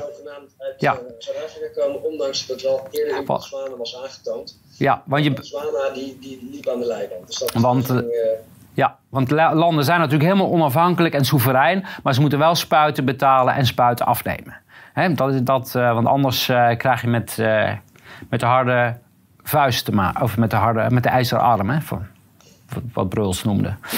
De BBC heeft geheime scripts opgesteld die voorgelezen kunnen worden als energietekorten deze winter leiden tot grootschalige stroomuitval. Internet, noem maar op. Ja, dat zie je in heel veel landen. In Duitsland is het iedere dag in het nieuws. Men wil uh, ons aan uh, laten wennen uh, omdat we geen stroom meer hebben. Dus we worden een beetje een we worden zo meteen weer een ontwikkelingsland. Dat, dat was een privilege van uh, echt derde wereldlanden. Dat je stroom een paar keer per dag uitviel. Maar uh, ik denk dat die landen inmiddels een heel betrouwbaar stroomnet hebben. En wij zo meteen de helft van de dag geen stroom en geen gas hebben. Willem, wat denk, je, wat denk jij hierbij? Ik denk dat, dat dit eraan komt. kijk, honger, kou eh, en, uh, en, armoede, dat zijn natuurlijk perfecte middelen om mensen onder de duim te houden. Maar we moeten niet zeuren. Dit is wel voor de vrijheid en democratie dat we het doen. Hè? En om de uh, Oekraïners te steunen. Hè? Dus het is wel, je krijgt er wel een warm gevoel van. En dat heb ik wel nodig als je het koud hebt. En social justice. Ja. En Iran hebben ze maar een hele, gelijk een hele uh, gevangenis in de brand gestoken. Terwijl het protest uh, nog steeds verspreidt. Ja, ik ben heel benieuwd hoe dat uh, gaat aflopen, Willem. Ik ook. En het lijkt erop alsof dat Iran niet luistert naar de waarschuwing. En blijft Rusland steunen. Er was even sprake van zelfs dat er Iraanse troepen in Oekraïne meevechten. Of in ieder geval op de Krim waren gesignaleerd. En ik zie dit nog steeds als uh, vanuit het Westen aangewakkerde protesten om de ja. Ayatollahs te geven. Vooral de aandacht die het nog steeds krijgt is duidelijk. Ze willen het vuurtje daar lekker opstoken uh, als straf. Uh, er is een onderzoek gestart vanuit het Europese Openbaar Ministerie naar Van der Leyen. Die heeft met een paar sms'jes heeft zij voor 70 miljard euro zogenaamde vaccinaties besteld. Voor alle lidstaten, die ze natuurlijk ook allemaal moeten betalen en afnemen. 4,6 miljard dosissen. De 10 stuks per inwoner. per inwoner. Ja, dit is werkelijk de grootste greep in de kas uit de geschiedenis. 70 duizend keer een miljoen euro met een paar sms'jes. Dat doet niet snel iemand haar naar. Dat gevaarlijk is, niet werkzaam en niet nodig. En vooral, en vooral wat zeker 70 tot 80 procent van de mensen helemaal niet meer wil. En Michael Tusk, dit is van Polen, uh, die, die, heeft, die heeft ook 600.000 euro uh, smeergeld ontvangen in een plastic zak. Nou vind ik dat best wel verdacht als je dat als... Wat, wat was die premier was hier geloof ik hè? volgens mij is hij ex-premier van Polen. Ja, en hier zie je dus uh, hoe dit netwerk in zijn werk gaat. Het begint steeds meer af te brokkelen, het komt steeds meer naar buiten. Maar het is echt een enorm corruptie. Ik wijs nog maar even op Scholz. Hè. Zijn partijgenoot had ook een kwart miljoen aan contanten in een kluisje liggen. Uh, dit, dit, dit, is de grootste uh, misdadige... Van gemeenschapsgelden ooit. Ja, Zeker. Dan gaan we naar Scholz. Ondanks dat ze eigenlijk ontmaskerd zijn en het, en het wachten op de arrestatie is, uh, wil die, terwijl Europa uh, het voortbestaan helemaal niet zeker is, het over uitbreiding hebben. Ja, maar dat lukt alleen maar als je die politici in die landen corrumpeert. Want die landen zelf, ik geloof dat, ik geloof dat de bevolking al lang gezien hebben... ja, die EU, daar moet je niet bij willen horen. Je zou je schamen om erbij te horen. Maar die politici die, worden, die zijn zo corrupt als maar kan. Dat zag ik ook toen ik in Albanië was. De bevolking wil helemaal niet bij de EU, maar die, die politici zijn gekocht. Dus je ziet overal posters eh, van wij willen bij de EU en wij komen bij de EU. En heel knap dat terwijl je al aan het instorten bent aan het uitbreiden bent. En zakelijk gezien is dat altijd een heel slecht idee. Maar in de politiek kan het kennelijk wel. Ehm, dit gaat over Nieuw-Zeeland. Uh, zij willen daar ook de landbouw gaan belasten, nog extra belastingen heffen. Vooral op de scheten en de boeren van koeien. Die schijnen namelijk met die schetende boeren de, de klimaatverandering vooraan te drijven. Echt ernstig. Daar moet wat mee gebeuren. Dus wat doe je? Je gaat die hele landbouw wegbelasten. Want dat is eigenlijk gebeurd. Je maakt het zo. Ja voor, voor de beeldvorming, zeker het Zuidereiland, er wonen nog geen miljoen mensen volgens mij. Uh, en Nieuw-Zeeland heeft heel veel schapen. Hè. Veeteelt, dat is ongeveer het, het, het grootste uh, gedeelte van de economie. Want ze hebben veel minder, zoals Australië, allerlei grondstoffen. Dus dit is ook een doodsteek voor de Nieuw-Zeelandse ja. economie. Maar het is een kleine, klein offer voor een groot doel, en dat is namelijk het klimaat. En wat zeggen ze daar als gevolgen? Er zal een enorm uh, teruggang zijn in, in uh, de koopkracht van de boeren van het platteland. Een teruggang van het aantal banen. een teruggang van de bevolking op het platteland. Een, een verlaging van de levenskwaliteit. En een, een, een hogere stress en mentale druk op de mensen. Maar ja, kleine, kleine opoffering moeten we over hebben voor het klimaat. Dit is een uh, beeld uit West-Australië. Daar heb ik ook al het een en ander over gehoord. Uh, zij zijn een, ik weet niet of... Is die wet er al doorheen? Weet je dat toevallig? Volgens mij wel. En dat is heel stiekem gedaan. Want het is daar nu zomer. Dus er zijn heel weinig maatregelen. En men is weer proberen het leven aan het op te pakken. En dan wordt er ondertussen stiekem even een wetje doorgeduwd. Ja, maar dat is een hele schokkende wet. Het is niet zomaar een wetje. Het geeft de politiek de bevoegdheid om elk moment een pandemie uit te roepen. Ook al zijn er geen zieken, maakt niet uit. Ze mogen dat doen. Ze mogen iedereen die uit een gebied komt waarvan ze denken dat daar uh, een bepaalde virus uh, rondgaat, mogen ze in quarantainekampen zetten, zolang als zij er bepalen daar zitten geen grenzen aan. Um, en zo zijn er nog een hele hoop. Ze mogen huizen binnenkomen om mensen op te halen. Dit is, een, um, dit is de introductie van uh, de totalitaire staat. Uh, weer een stapje verder. Is Australië ging al heel hard.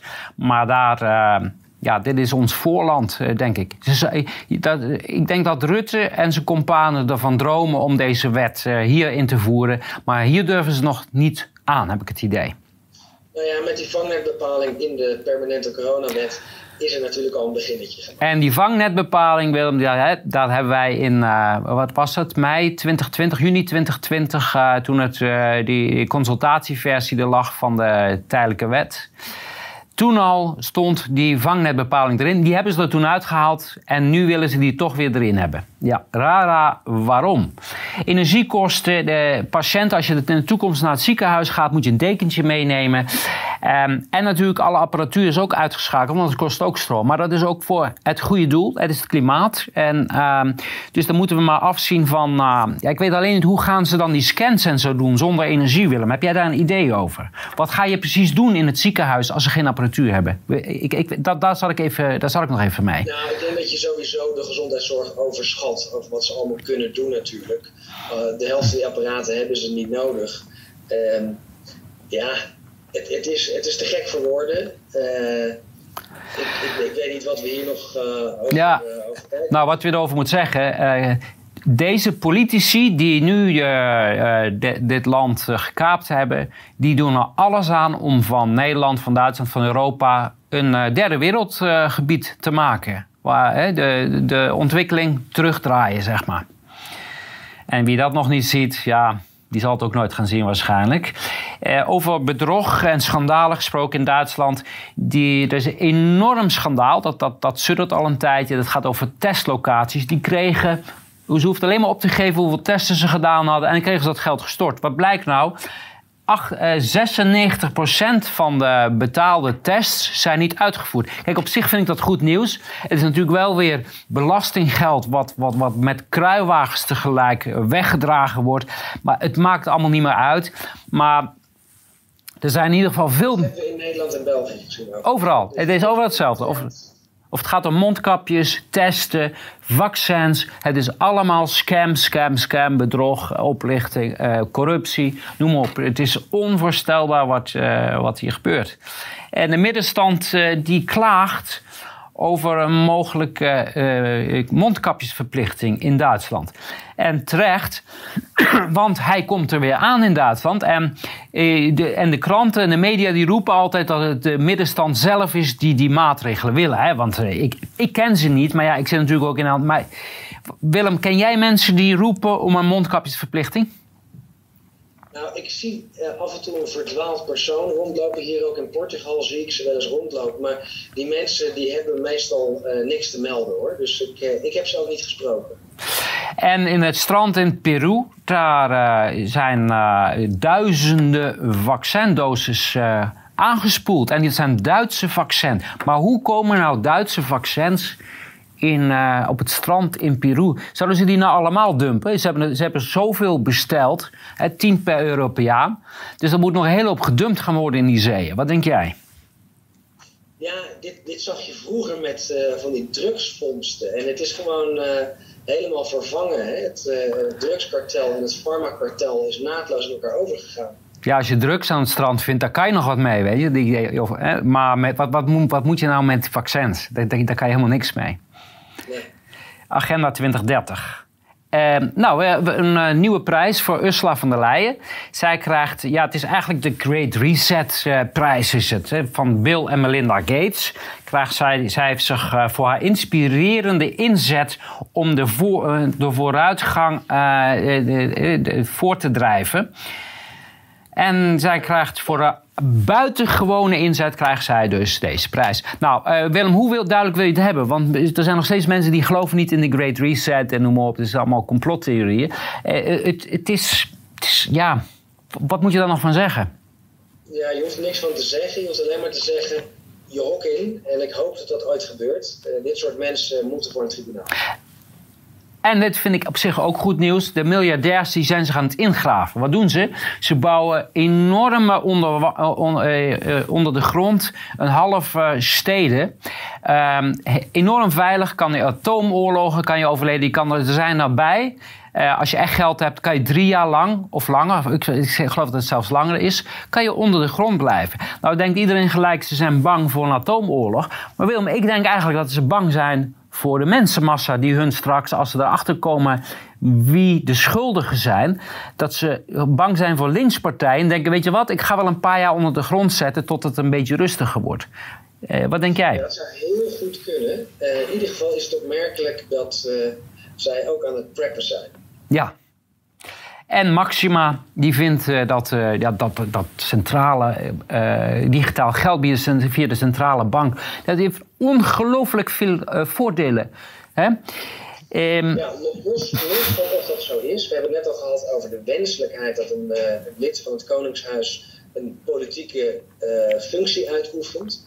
Uh, maar dan gaan we naar de volgende. Ja, want het heeft ook echt veel uh, voordelen. Hè? Want de overheid die kan bepalen hoe je je geld besteedt. Dat betekent, ze nemen bij jou de keuzevrijheid weg. En dat is ook fijn, want dan hoef je zelf die keuze niet te maken. Want dan zeggen ze hé, hey, dit geld krijg je. Uh, daar mag je geen sigaretten van kopen. Dan mag jij alleen maar insectenblokjes van kopen bijvoorbeeld. Hè? Want dat is heel voedzaam en eiwitrijk. Of je mag, ik, ik, weet niet, wat kan je er nog meer mee kopen? Maar, maar zo'n plan is dus een heel duidelijk politiek onderwerp. Uh, en daar zou normaal gesproken het Koningshuis verre van moeten blijven. Maar we zien dus de, de totale vervlechting van het World Economic Forum, de koninklijke familie, uh, ons regime, uh, de Europese Commissie. Het is de elite. En of het reptilians ja. zijn. dat, dat, dat, dat laten we maar even midden. Maakbare mensen zijn, dat is duidelijk. Ja, en is de vraag, het heeft heel veel voordelen. Voordelen voor wie? Hè? Voor, in ieder geval niet uh, voor, uh, voor degene die het opgelegd wordt. En wat die voordelen zijn... Heel duidelijk toe. Ja, dit is uh, de plaatsvervangend directeur van het IMF. En die zegt, nou, dat is ongelooflijk veel voordelen zitten eraan. Want je kan bijvoorbeeld als overheid zeggen dat je alleen maar voedsel ermee mag kopen. En zo kan je heel gericht hulp, hulp bieden. En hulp, dat is het sleutelwoord van de toekomst, het nieuwe normaal, want alles is gebaseerd op hulp. Terwijl een, uh, in een uh, democratische rechtsstaat moet je zorgen dat mensen zelfstandig hun geld kunnen verdienen, zelfstandig kunnen beslissen. Die hebben helemaal geen hulp nodig. Ook ondernemers hebben geen hulp nodig, die willen gewoon zelf geld verdienen. Maar de ideale samenleving is een hulpprojecten en dat het liefste met digitaal, hoe heet het, van centrale bankgeld. Maar de kredietverzekeraar die schetst een pikzwart beeld van een crisis. En ik denk dat ze daar gelijk in hebben. Zij zien wat er gaat komen. Het wordt een crisis waarschijnlijk uh, die, die we nog nooit eerder gezien hebben. Uh, wat denk jij? Ja, het is, het is een beetje twee kanten op. Uh, we zien wel vaker dat er heel veel angstporno is.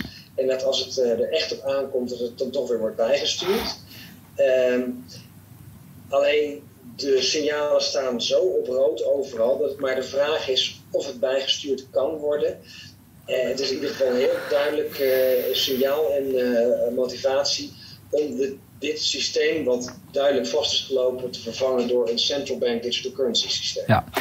En we zijn in Nederland uh, lopen al de, zonder dat mensen het weten, lopen er al proeven, uh, worden al proeven gedaan. Bijvoorbeeld Doetinchem die voert een boodschappenpas in voor minima en werkende armen. Nou, dit is de voorbode van de introductie van hetgeen waar we net over hebben. Een overheid die gaat bepalen waar jij je geld aan, mag besteden en hoe lang ook. Hè? Want het is op een gegeven moment verloopt je geld ook.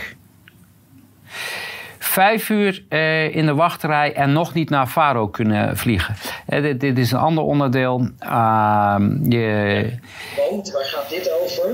met de COVID-pas wil het maar niet lukken. Dus hoe krijgen we mensen aan die QR-code? Dan gaan we naar de volgende. Schiphol die begint met de digitale idee, eh, binnenkort. Um, de, de, we, hebben al een paar keer aandacht aan besteed dat ze samen met Canada in een project zitten uh, voor die digitale idee. Schiphol zit er middenin. Hoe doe je dat? Mensen daartoe motiveren door ze uren in de rij te laten staan en ze dan een alternatief bieden. hey, je kan ook met een digitale idee kan je die rij omzeilen. Dus uh, ja, gelukkig zijn er heel veel mensen heel sceptisch erover, want dat digitale identiteit, de known traveler digital identity, central bank digital currency, eh, daar hoort die QR-code ook bij. Het moet allemaal worden doorgevoerd, namelijk om de burger onder controle te houden. Meelworm op een menu in lespakket 100 basisscholen in Overijssel. Dit is ook weer het laten wennen vast dat het normaal wordt om insecten te eten. Ja, ik. Uh het is knettergek eigenlijk. Wat vind jij daarvan? Ja, kijk, met elke technologische vooruitgang, want in Afrika zijn er heel veel uh, volkeren die uh, insecten eten om het uh, dieet te supplementeren. Dus ik ben niet principieel tegen insecten eten, ik ben principieel tegen de drog en de dwang. Inderdaad, en het normaal maken, het proberen mensen te beïnvloeden dat dingen normaal zijn. Eh, dan... Een van de manieren hoe ze er misschien uitkomen is dat ze mensen dus angst aanjagen dat alle vlees dadelijk geïnjecteerd is met mRNA. Ehm, maar gaat dat lukken? Want jij sprak een, eh, een, eh, een, een veehouder. Ja. En die zei van ja, nee, dat ga ik niet doen, dat is te duur, daar ja. ik het voordeel niet van. Ja, nee, wat, ik, wat ik uit eerste hand hoorde inderdaad, er ging ze koeien, want ik maakte me daar zorgen over. Wanneer zometeen kan je geen melk meer drinken. Hij zei nee, ik ga het niet doen. En in Australië, als mensen dit soort, boeren dit soort ervaringen maken, dat van de, van de 200 koeien uh, 35 uh, gelijk uh, doodgaan ja, dan is het met uh, de bereidheid snel gedaan, denk ik. Uh, om, die, om hun vee te gaan injecteren. Ondertussen is zo'n boer natuurlijk wel geruineerd. Hè, als er zo'n groot deel van zijn veestapel het loodje legt. Ja. Dit is waar we net al over hadden. Hè, de, het, over de, het onderzoek naar de, de wijze waarop de vaccins besteld zijn in Europa. Maar degene die wordt onderzocht. Ja, dat wou ik net zeggen. Die ja. koper was van de NAVO. Ja. En dan komen we weer. Zoals dat jij al opmerkte vorige week, denk ik in een tweet, dat Stoltenberg uh, nauwe banden had met Gates, als ik niet vergis. Ja, die werken al tientallen jaren samen. Uh, hij, maar hij was, nee, hij was, uh, hij was voorzitter van de, de, de, de Gavi. Stoltenberg is vroeger voorzitter van de Vaccination uh, Alliance. En ja, nu de uh, voorzitter van de NAVO. Ja, het maakt duidelijk hoe de lijntjes lopen en hoe direct de lijntjes lopen. Vorig jaar juni, dus juni 2021, daar een hele uitzending over gedaan samen met Kenny van Kinnebak. En die was binnen een paar minuten offline. Daar hebben we het namelijk toe gehad over het document NAVO 2030. NAVO zit er echt uh, nekdiep in. Uh, dit is een uh, NATO-operatie waar we in middenin zitten. Dit is een tweet uit 2018, meen ik, van ASN Bank. Baby's is het mooiste wat er is. Nou, daar weet jij alles van, Willem.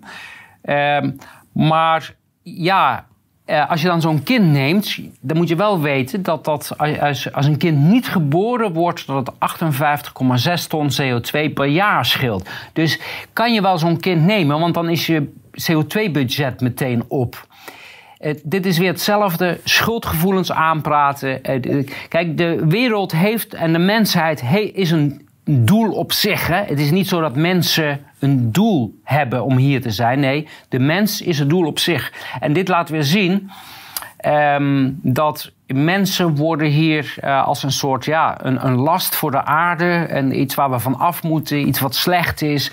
En iedere keer weer dat, oh, we nemen een kind, je, uh, je verpest het klimaat. Door jou uh, lijden mensen straks honger in de derde wereld. Maar goed, die derde wereld is gewoon hier, dus dat kan je thuis beleven. Uh, die hebben toen direct dat teruggetrokken. Maar het punt hiervan is, die banken die zitten al heel lang in deze agenda. Die zijn al heel lang mee bezig. En die, zijn een, die, die spelen ook een sleutelrol in deze hele uh, revolutie die ze hier proberen uh, vooraan te drijven.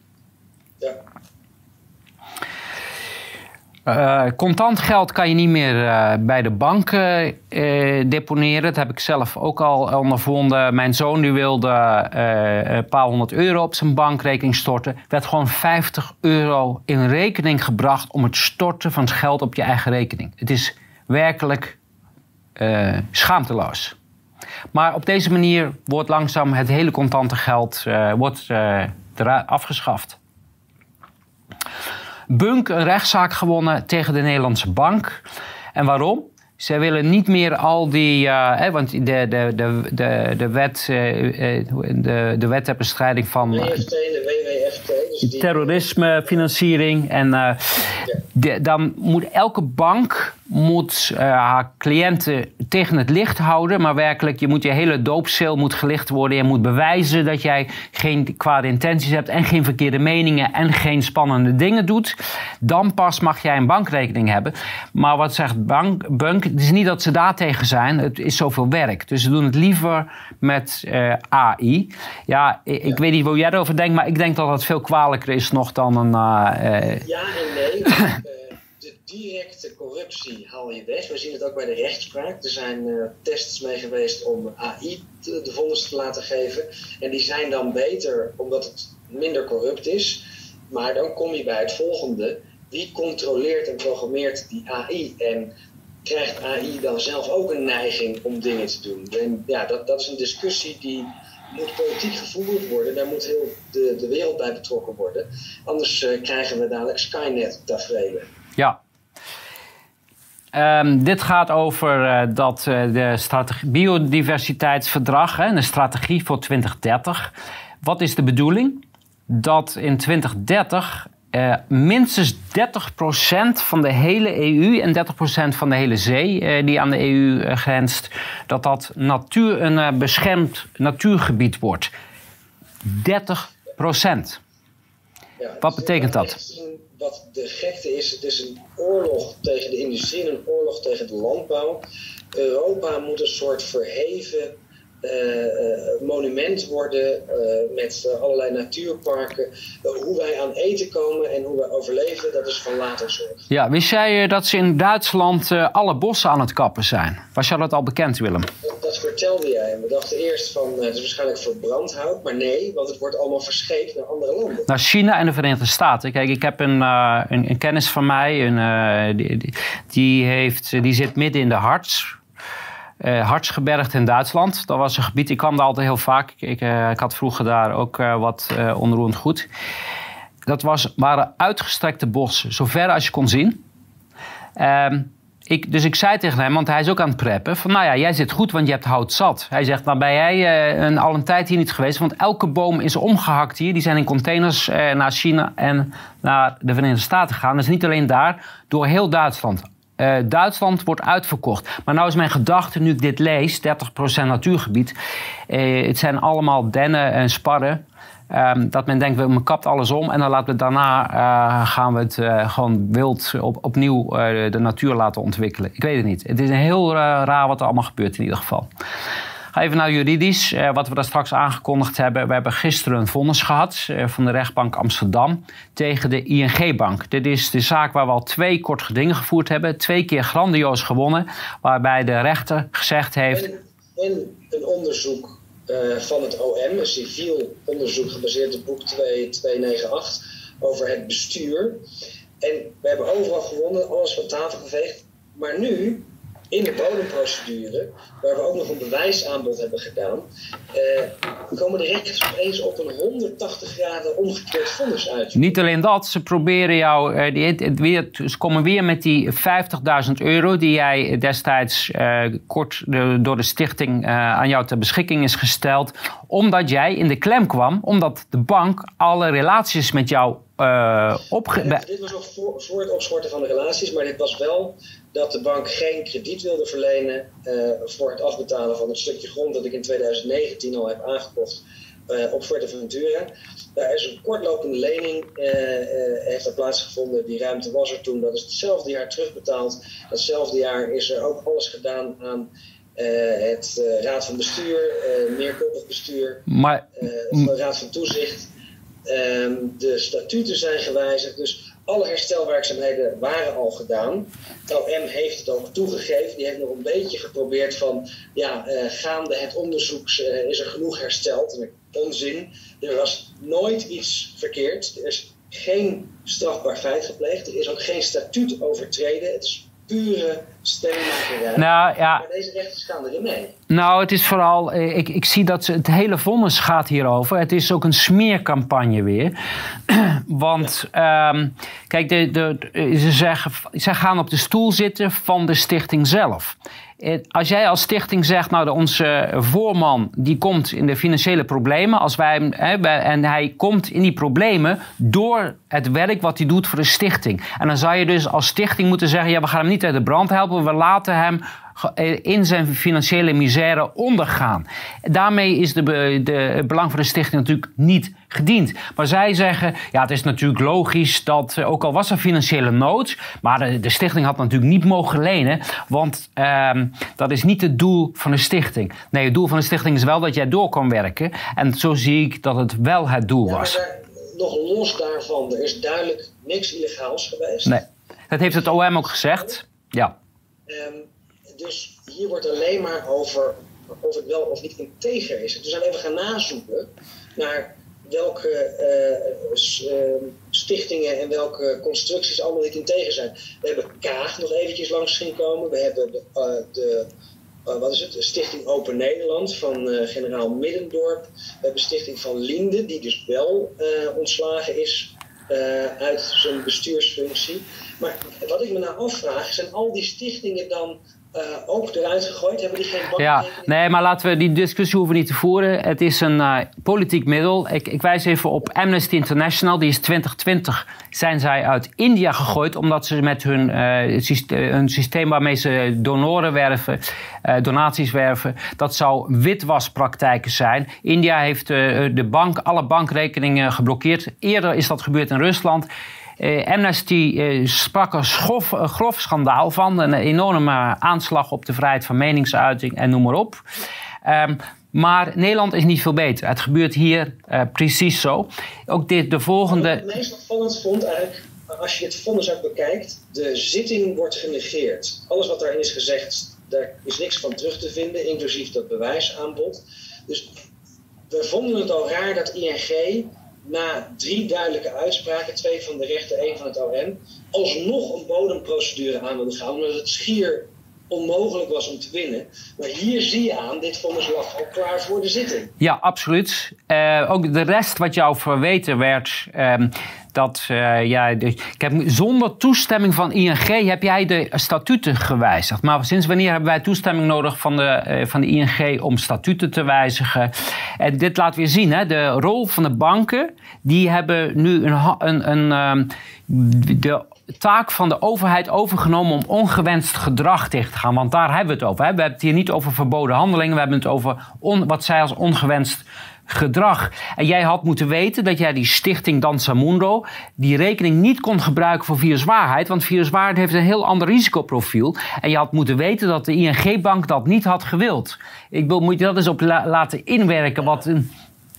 Precies, dus daarmee geeft ING gewoon toe dat ze niet uh, van plan waren een dissidentenorganisatie in rekening te geven. Nou, dat mag natuurlijk niet. Dat staat ook in die andere vonnissen. Het heeft het schijn van dat ING niet geassocieerd wil worden met Engel of de, de stichting en de doelen van de stichting. Nogmaals, het doel van de stichting is het behoud van de democratie en de rechtsstaat. En daar kan je nu vraagtekens bij stellen, want behouden is geen sprake nee. van. Nee, we kunnen niet meer in de lijn van met de statuten handelen, want de, de rechtsstaat is weg. Uh, de, de, de, vervolgens verwijt de uh, rechtbank jou ook dat jij uh, door jouw toedoen klantenonderzoek niet kon plaatsvinden. Maar ook dit is een strijd met de waarheid. Want jij hebt gelijk nadat jij die bankrekening bent gaan gebruiken van Dansamundo, heb jij contact opgenomen met de ING-bank en ook dat gemeld en gezegd je wilde deze rekening gaan omzetten naar viruswaarheid.nl. Ze waren heel meewerkend aanvankelijk, maar in één keer kon niets meer en er kwam een diepgravend onderzoek naar terrorismefinanciering en uh, weet ik wat dan. Ja? Ja, dat was in, uh, in juni 2020 en we hebben het zo snel mogelijk omgezet. We hebben een nieuwe stichting opgericht um, en daar hebben we een bankrekening voor aangevraagd. Ik ben op Zwart Janstraat geweest meerdere keren en daar hebben ze uitgelegd van we kunnen hem niet zomaar overzetten. Dus je moet een nieuwe rekening aanvragen en dan kunnen we de rekeningen wisselen. Eh, ik neem aan dat hier gewoon een logboek van is, dat al die afspraken zijn bijgehouden. Uh, daar waren de rechters dus niet geïnteresseerd. Dat zullen we dan in het hoger beroep moeten inbrengen, want natuurlijk gaan we in hoger beroep. Maar het alleen maar omdat dit gewoon niet kan. Maar al die geconstateerde onregelmatigheden had de ING het vertrouwen in integriteit van viruswaarheid te doen verloren. Maar moet je je voorstellen, eh, uit het onderzoek van het OM kwam juist dat er geen, geen onregelmatigheden aangetroffen zijn. En dat het geld helemaal overeenkomstig het doel besteed wordt. Dus wat heb je nou meer nodig? Dus de OM zegt nee, er is niets aan de hand, je geld is veilig. Maar ING zegt nee, we hebben het vertrouwen in de integriteit uh, verloren. Uh, van viruswaarheid.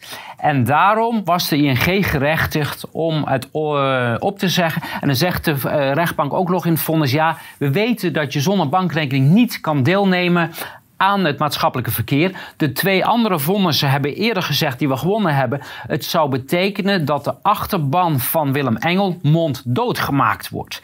Dat doen deze rechters dus nu. Zij zeggen dat, zij herhalen dat niet. Maar dat is precies wat hier gebeurt. Uh, viruswaarheid uh, wordt monddood gemaakt. Uh, dit is ernstig, want ehm, wij hebben geen mogelijkheid nu om een, uh, over zometeen, hè, dit, is nog niet gelijk nu, maar uh, ik verwacht dat we een brief gaan krijgen van uh, de ING. En als wij geen bankrekening meer hebben, ja, dan ben je ook niet meer mogelijk, dan is, ben je ook niet meer in staat om dus ja, een tegengeluid te laten horen. En dan kan iedereen precies zien wat nou het doel was van al die regelgeving de afgelopen tien jaar. Zogenaamd om witwassen tegen te gaan. Zogenaamd om criminele activiteit tegen te gaan. Maar dat, dat is natuurlijk onzin, want als we het hebben over terrorisme, financiering, dan is de staat de eerste die dat doet. Of een pelsrijke die midden in een grof schandaal zit. Nee, het gaat alleen maar om het uitschakelen van een tegengeluid. Het onder controle houden van mensen. En via de banken gedrag beïnvloeden. Dit is wat er gaande is de rest is allemaal onzin. Al die regelgeving, al die wetgeving. Het is alleen maar uh, vooruitlopend op totale controle. En dat betekent dus dat organisaties als Viruswaarheid niet meer in staat zijn om uh, een protestgeluid te laten horen. Ja, nou, dan moeten we dus zo'n zaak voeren als de Atassois hebben gevoerd met Hagen Lycemia, dan uiteindelijk bij de Raad van State gelijk krijgen, Zo'n traject moeten we ook ingaan. Uh, kost heel veel tijd en geld. En we zouden dat graag besteden aan het bevechten van de vrijheid. Is ook een, een vrijheidsstrijder. En je ziet hetzelfde patroon. Ja, het gaat over Richard de Mos. Even voor de duidelijkheid. Hè. Richard de Mos, de corruptieverda corruptieverdachte. Richard de Mos, niet gemeenteraadslid Richard de Mos. Nee, corruptieverdachte. Gemeente Richard de Mos. Na drie jaar voor de rechter. Het is een frontale aanval op het tegengeluid. Op alle niveaus, op alle lagen. Jouw vervolging, noem maar op. Dit regime wat er zit, die zitten systematisch elk tegengeluid uit te bannen. En mensen die het nog steeds niet willen zien waar we in zitten, die krijgen straks een hele harde ontwakening als zelf de mond gesnoerd wordt. En over mondsnoeren, boetes voor artsen wegens niet geregistreerde coronamedicijnen. Kijk, ivermectine, wat bewezen uh, geen bijwerking of nauwelijks bijwerkingen heeft, dat bewezen zijn dienstig. Uh, het stond ook op de website van de WHO tot het eraf gehaald werd. Daar zijn uh, miljoenen mensenlevens mee gered. maar die mag je niet off-label schrijven. Maar de vaccinaties, die mag je natuurlijk wel zonder enig bewijs inzetten om virusverspreiding tegen te gaan. Willem. Kijk eventjes nu uh, dus we hebben die rechtszaak tegen mij, we hebben dat vonnis van ING, uh, eh, PVV in de Eerste Kamer geschoffeerd, Baudet geschorst, Ike IND-onderzoek, Richard de Mos wordt vervolgd voor corruptie, artsen krijgen boetes. hoe duidelijk wil je het hebben dat het tegengeluid de mond wordt gesnoerd? Wij leven in een dictatuur. Iedereen die anders beweert, die is uh, of bijzonder naïef of uh, uh, bijzonder onwetend. Of, of stopt eenvoudig weg zijn kop in het zand. En dat is ook maar een tijdelijk panacee. Ja, eventjes ter verduidelijking is recentelijk uitgekomen. ivermectine werkt. Ja. over monddood maken. dit is een, um, een, een, bericht uit... Ik... Precies, Meryl Ness, ja. MD uit... Ehm, wat is het, uh, Massachusetts volgens mij. Uh, die wordt ook uh, Tucht. monddood te maken. Ja, tuchtklacht. Die weer dezelfde ja. gedragingen, zogenaamd het verspreiden van desinformatie, et cetera. Maar ja. Je moet ja. Maar dit is een hele interessante. Dit is de, van Jan van Zanen, een blog eigenlijk van Jan van Zanen. Wat doet hij iedere dag? Je hebt even de blog opgezocht van vrijdag 12 maart. En wat blijkt nou? Eh, op 12 maart, dat was eh, eh, voor de bijeenkomst eh, waarover de demonstratie eh, gesproken eh, zou worden. Die 18, was 18 maart, meen ik. Hè? 14 maart. 14 maart, sorry. Ja. ja. 14 maart vierde ik onder andere met heel veel demonstranten mijn verjaardag. Eh, maar het was vooral weer een samenkomst tegen de QR en tegen andere uh, dingen. Of, toen hadden we nog niet deze QR, denk ik. Maar in ieder geval tegen alle maatregelen. En uh, dat werd bruut verstoord. Toen hebben we echt heel erg excessief geweld gezien. Dat was toen er meerdere mensen door honden werden verscheurd. Dat er iemand voor een busje werd gesmeten. Een, een kogelschot. Een orgie van geweld. En nu zien we dat dit voorbesproken was met Grapperhaus en, en Pieter Jaap Albersberg. En dat hebben wij al heel lang gezegd. Die Albersberg met zijn NCDV, die coördineren alles. Die vertellen ook hoe er opgetreden wordt bij demonstraties. Dus deze drie mensen, Jan van Zanen, ik weet mensen, ik weet, nu, nu mensen of reptielen, ik weet niet uh, hoe je over moet spreken, maar die hebben dus samengezeten en uh, gezegd, ja, er komt weer een demonstratie aan. En dan hebben ze afgesproken, jongens, er volop, map ze maar het ziekenhuis in, eh, stuur de honden op ze af, van mij pad knal je met pistolen erop, die mensen moeten ja. bek houden. Hè, de, ja. Dit zijn echt hoofdverdachten in meervoudige pogingen tot moord in een normaal land zouden deze mensen al lang vastzitten. Deze mensen die horen in preventieve hechtenis te zitten. Dit zijn zware, zware criminelen. En dat, ja. Om dit soort mensen ja. Maar het is wel goed om te zien dat alles wat we destijds al geanalyseerd hadden, het klopt precies. Eh, Grapperhaus, Albersberg. En Albersberg, dat, ik denk dat dat een van de grootste op de achtergrond is. Die volgens mij ook. Ja. Komen we nog even bij medisch. Uh, ja, EMA heeft toegelaten uh, de, de, de, zogenaamde vaccins voor baby's vanaf uh, zes maanden. Ehm, ja, eigenlijk heel schokkend wat hier gebeurt. Wat, wat denk jij? Ja, de, de gekte de, houdt niet op. Het stopt niet vanzelf. Wij zullen het moeten stoppen. De EMA is natuurlijk een bijzonder corrupt orgaan. Daar hebben we al meerdere demonstraties van gegeven. Ondanks dat we ze wijzen op de corruptie, gaan ze gewoon door met het goedkeuren. En nu is het dus inderdaad een, een, een full market authorization. Um, ik heb even het, ik heb even het staatje van het RIVM gehaald. Hoeveel kinderen zijn er nou de laatste jaren, de afgelopen drie jaar, sinds maart 2020 overleden aan uh, SARS-CoV-2? In de leeftijd dus niet aan, hè? dit is met. 90% volgens een ander staatje had onderliggend lijden. Bij kinderen is dat waarschijnlijk nog meer. Ik geloof dat er is geen enkel kind overleden aan SARS-CoV-2, maar die geregistreerd zijn met een positieve test. Het staat er ook gewoon boven. Hè? Leeftijdsverdeling uh, van aan de GGD gemelde personen positief voor uh, SARS-CoV-2. En van overleden persoon positief. Dus het gaat niet om iemand die COVID had.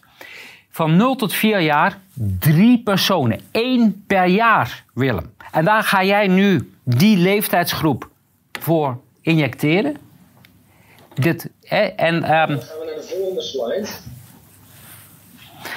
Ja, een zevenjarige die uh, overleden is na uh, eh, 13 dagen na de, uh, nadat hij geïnjecteerd was.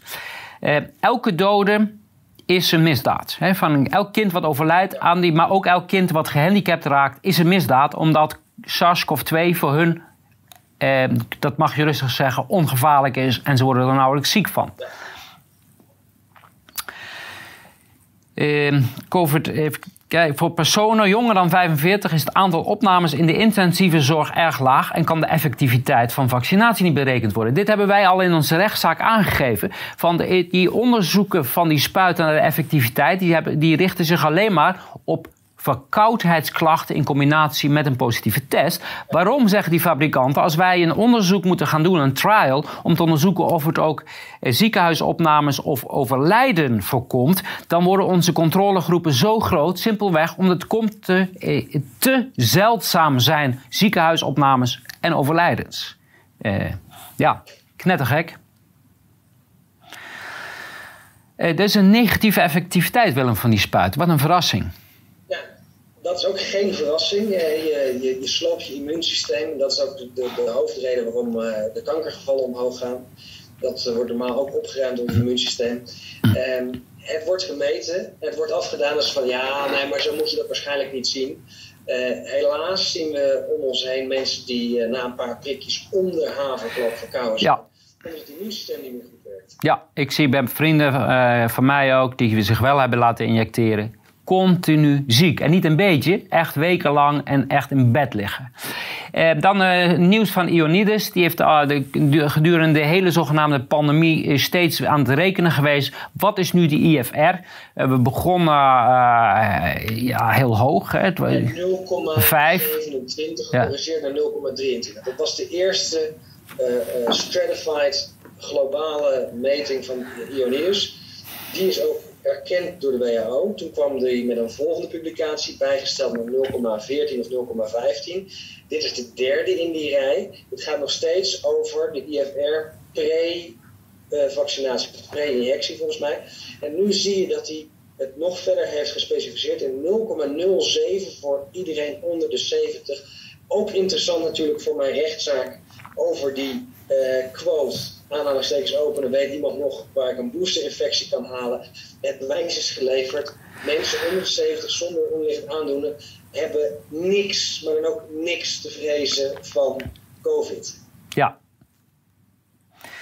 En 1 op de 500 kinderen daarentegen, onder de 5 jaar, landen in het ziekenhuis. Nou, eh, eh, eh, en dit is toch wel echt schokkend te noemen. Ja.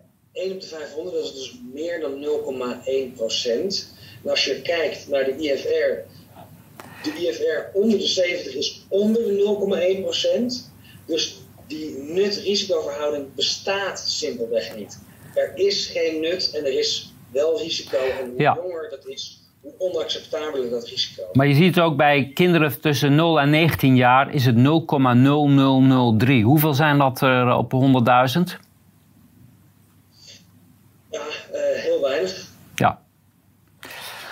En uh, Moderna, uh, de, de, de, de, Moderna CEO, die geeft toe dat alleen de kwetsbaren een, een booster uh, nodig hebben. Want het is hetzelfde als, als de griep. hey, was dat niet verboden om het te vergelijken met de griep? Ja, sorry. Ja, het, was verboden om, om dat te vergelijken. Nu doet de CEO zelf het. Hij zal wel snel van Twitter worden verbannen met zulke soort uitspraken. Maar alle gekheid op een stokje. Je ziet Fauci draaien, je ziet zo'n Steve Marcel uh, draaien. Uh, ze voelen de bui hangen. Welke de bui niet voelen hangen, zijn deze twee maloten. Uh, dit zijn de, de Sahins, de, de founders van BioNTech. Want die denken, fantastisch, ons bedrijf ging eigenlijk alleen maar over kankertherapie door middel van gentherapie. Nu krijgt iedereen daarmee te maken. En wij hebben de oplossing. We hebben het eerste probleem gecreëerd en we gaan de oplossing aanbieden. mRNA-vaccin tegen kanker of behandeling tegen kanker. En dan krijg je daar waarschijnlijk weer andere aandoeningen aan, leveruitvallen en zo. En dan zullen ze daar ook weer een uh, mRNA voor hebben. Zo, en zo prik je jezelf helemaal lek, denk ik. Hè? Ja, uh, ja, dit is een uh, tv-presentator, of het is een presentator, zeg ik dat goed. En, uh, hoe heet het? Een tv-host. die was nog heel fanatiek in het. die, die zei toen nog in een campagne om mensen te overtuigen. Als je je niet laat prikken, dan ben je een asociale profiteur. Hè? Een parasiet eigenlijk. Want die anderen doen het wel en jij niet. En wat blijkt nou? Hij heeft een, een, een, een bloedklont in zijn hoofd. En het gaat nog verder. Ehm, de arts, uh, even kijken hoor. Ehm, de uh, artsen die zien sinds kort een probleem met de mRNA-vaccinatie. Sommige mensen ontwikkelen door de vaccinatie een post-vaccin-syndroom dat heel erg lijkt op long-covid. Oh, nou daar hebben we daar nog wat uh, interessant nieuws over.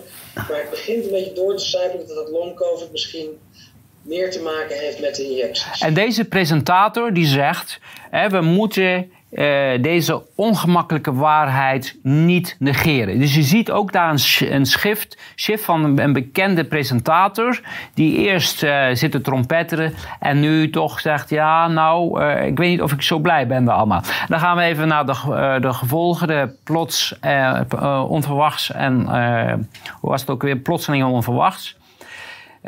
vader van Go Ahead Eagles aanvoerder Bas Kuipers overleden. dit is een uh, een, een, sport, eh, wat was het, een bodybuilder die heel stoer op uh, online plaatste dat uh, iedereen een, vaccin moest nemen. Ja, die is inmiddels ook overleden. Vader overlijdt. Hier wordt de ambulance krijgen de schuld, maar zou het kunnen zijn dat die meneer een prikje heeft gehad? Dat weet ik. Het zou zomaar kunnen. jonge voetballer uit Waals-Brabant overlijdt op het veld. Vinden we ook normaal tegenwoordig.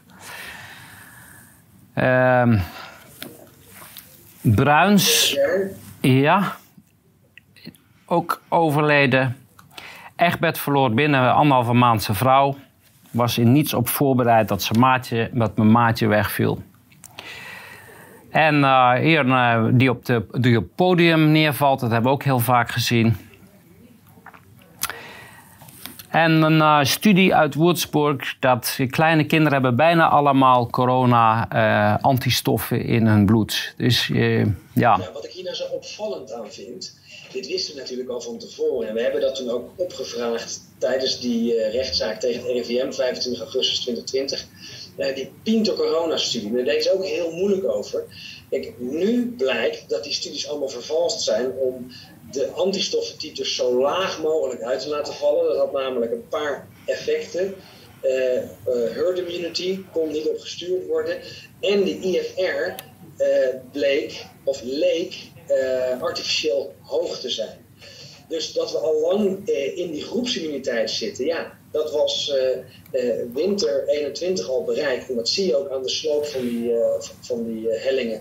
Dus alles wat we hebben gedaan is schadelijk geweest. Het is nergens goed. Ja, en dan kan deze onderzoek wijst uit dat je kan long-covid aan bloed zien. Ook een erg grote verrassing. En, en dit punt wilde ik eigenlijk maken. We hadden het al over die Duitse presentator. wat hij ziet is dat het een bloedvatenziekte is. De vaatwanden worden aangetast, het bloed wordt aangetast. En denk hé, hey, dit is precies het beeld dat we zien na injectie. Long-covid als het al iets anders is dan de psychosomatische klachten die veel mensen na de angstporno en de onvrijheid ervaren, hè, dus de burn-out klachten, dat is het grootste gedeelte, dan is er nog een gedeelte die daadwerkelijk fysieke klachten heeft. Het grootste gedeelte daarvan zal veroorzaakt worden door die prikjes. Ja, nou, komen we aan het einde. Nog even demonstraties. Uh, Amnesty International die vraagt nu uh, mensen om demonstraties te coördineren. Het lijkt wel of Amnesty langzaam wakker wordt, of ja, hoe moet je dat zeggen? Ik hoop dat wij ons massaal aanmelden om mensen te leren demonstreren. Wellicht is het voor iets anders bedoeld. Want ik zag ook de CIS-campagne, dus let wel heel goed op voor welk karretje je wordt gespannen. Maar het, is, het kan nooit kwaad om de jeugd te instrueren over wat mensenrechten zijn en het recht op demonstreren. Goed. Nou, we zijn aan het einde gekomen. Het is een beetje uitgelopen. Maar uh, ik denk dat het toch uh, heel interessant was. Geniet uh, nog van je vakantie. En tot volgende week. Goed? Oké. Okay.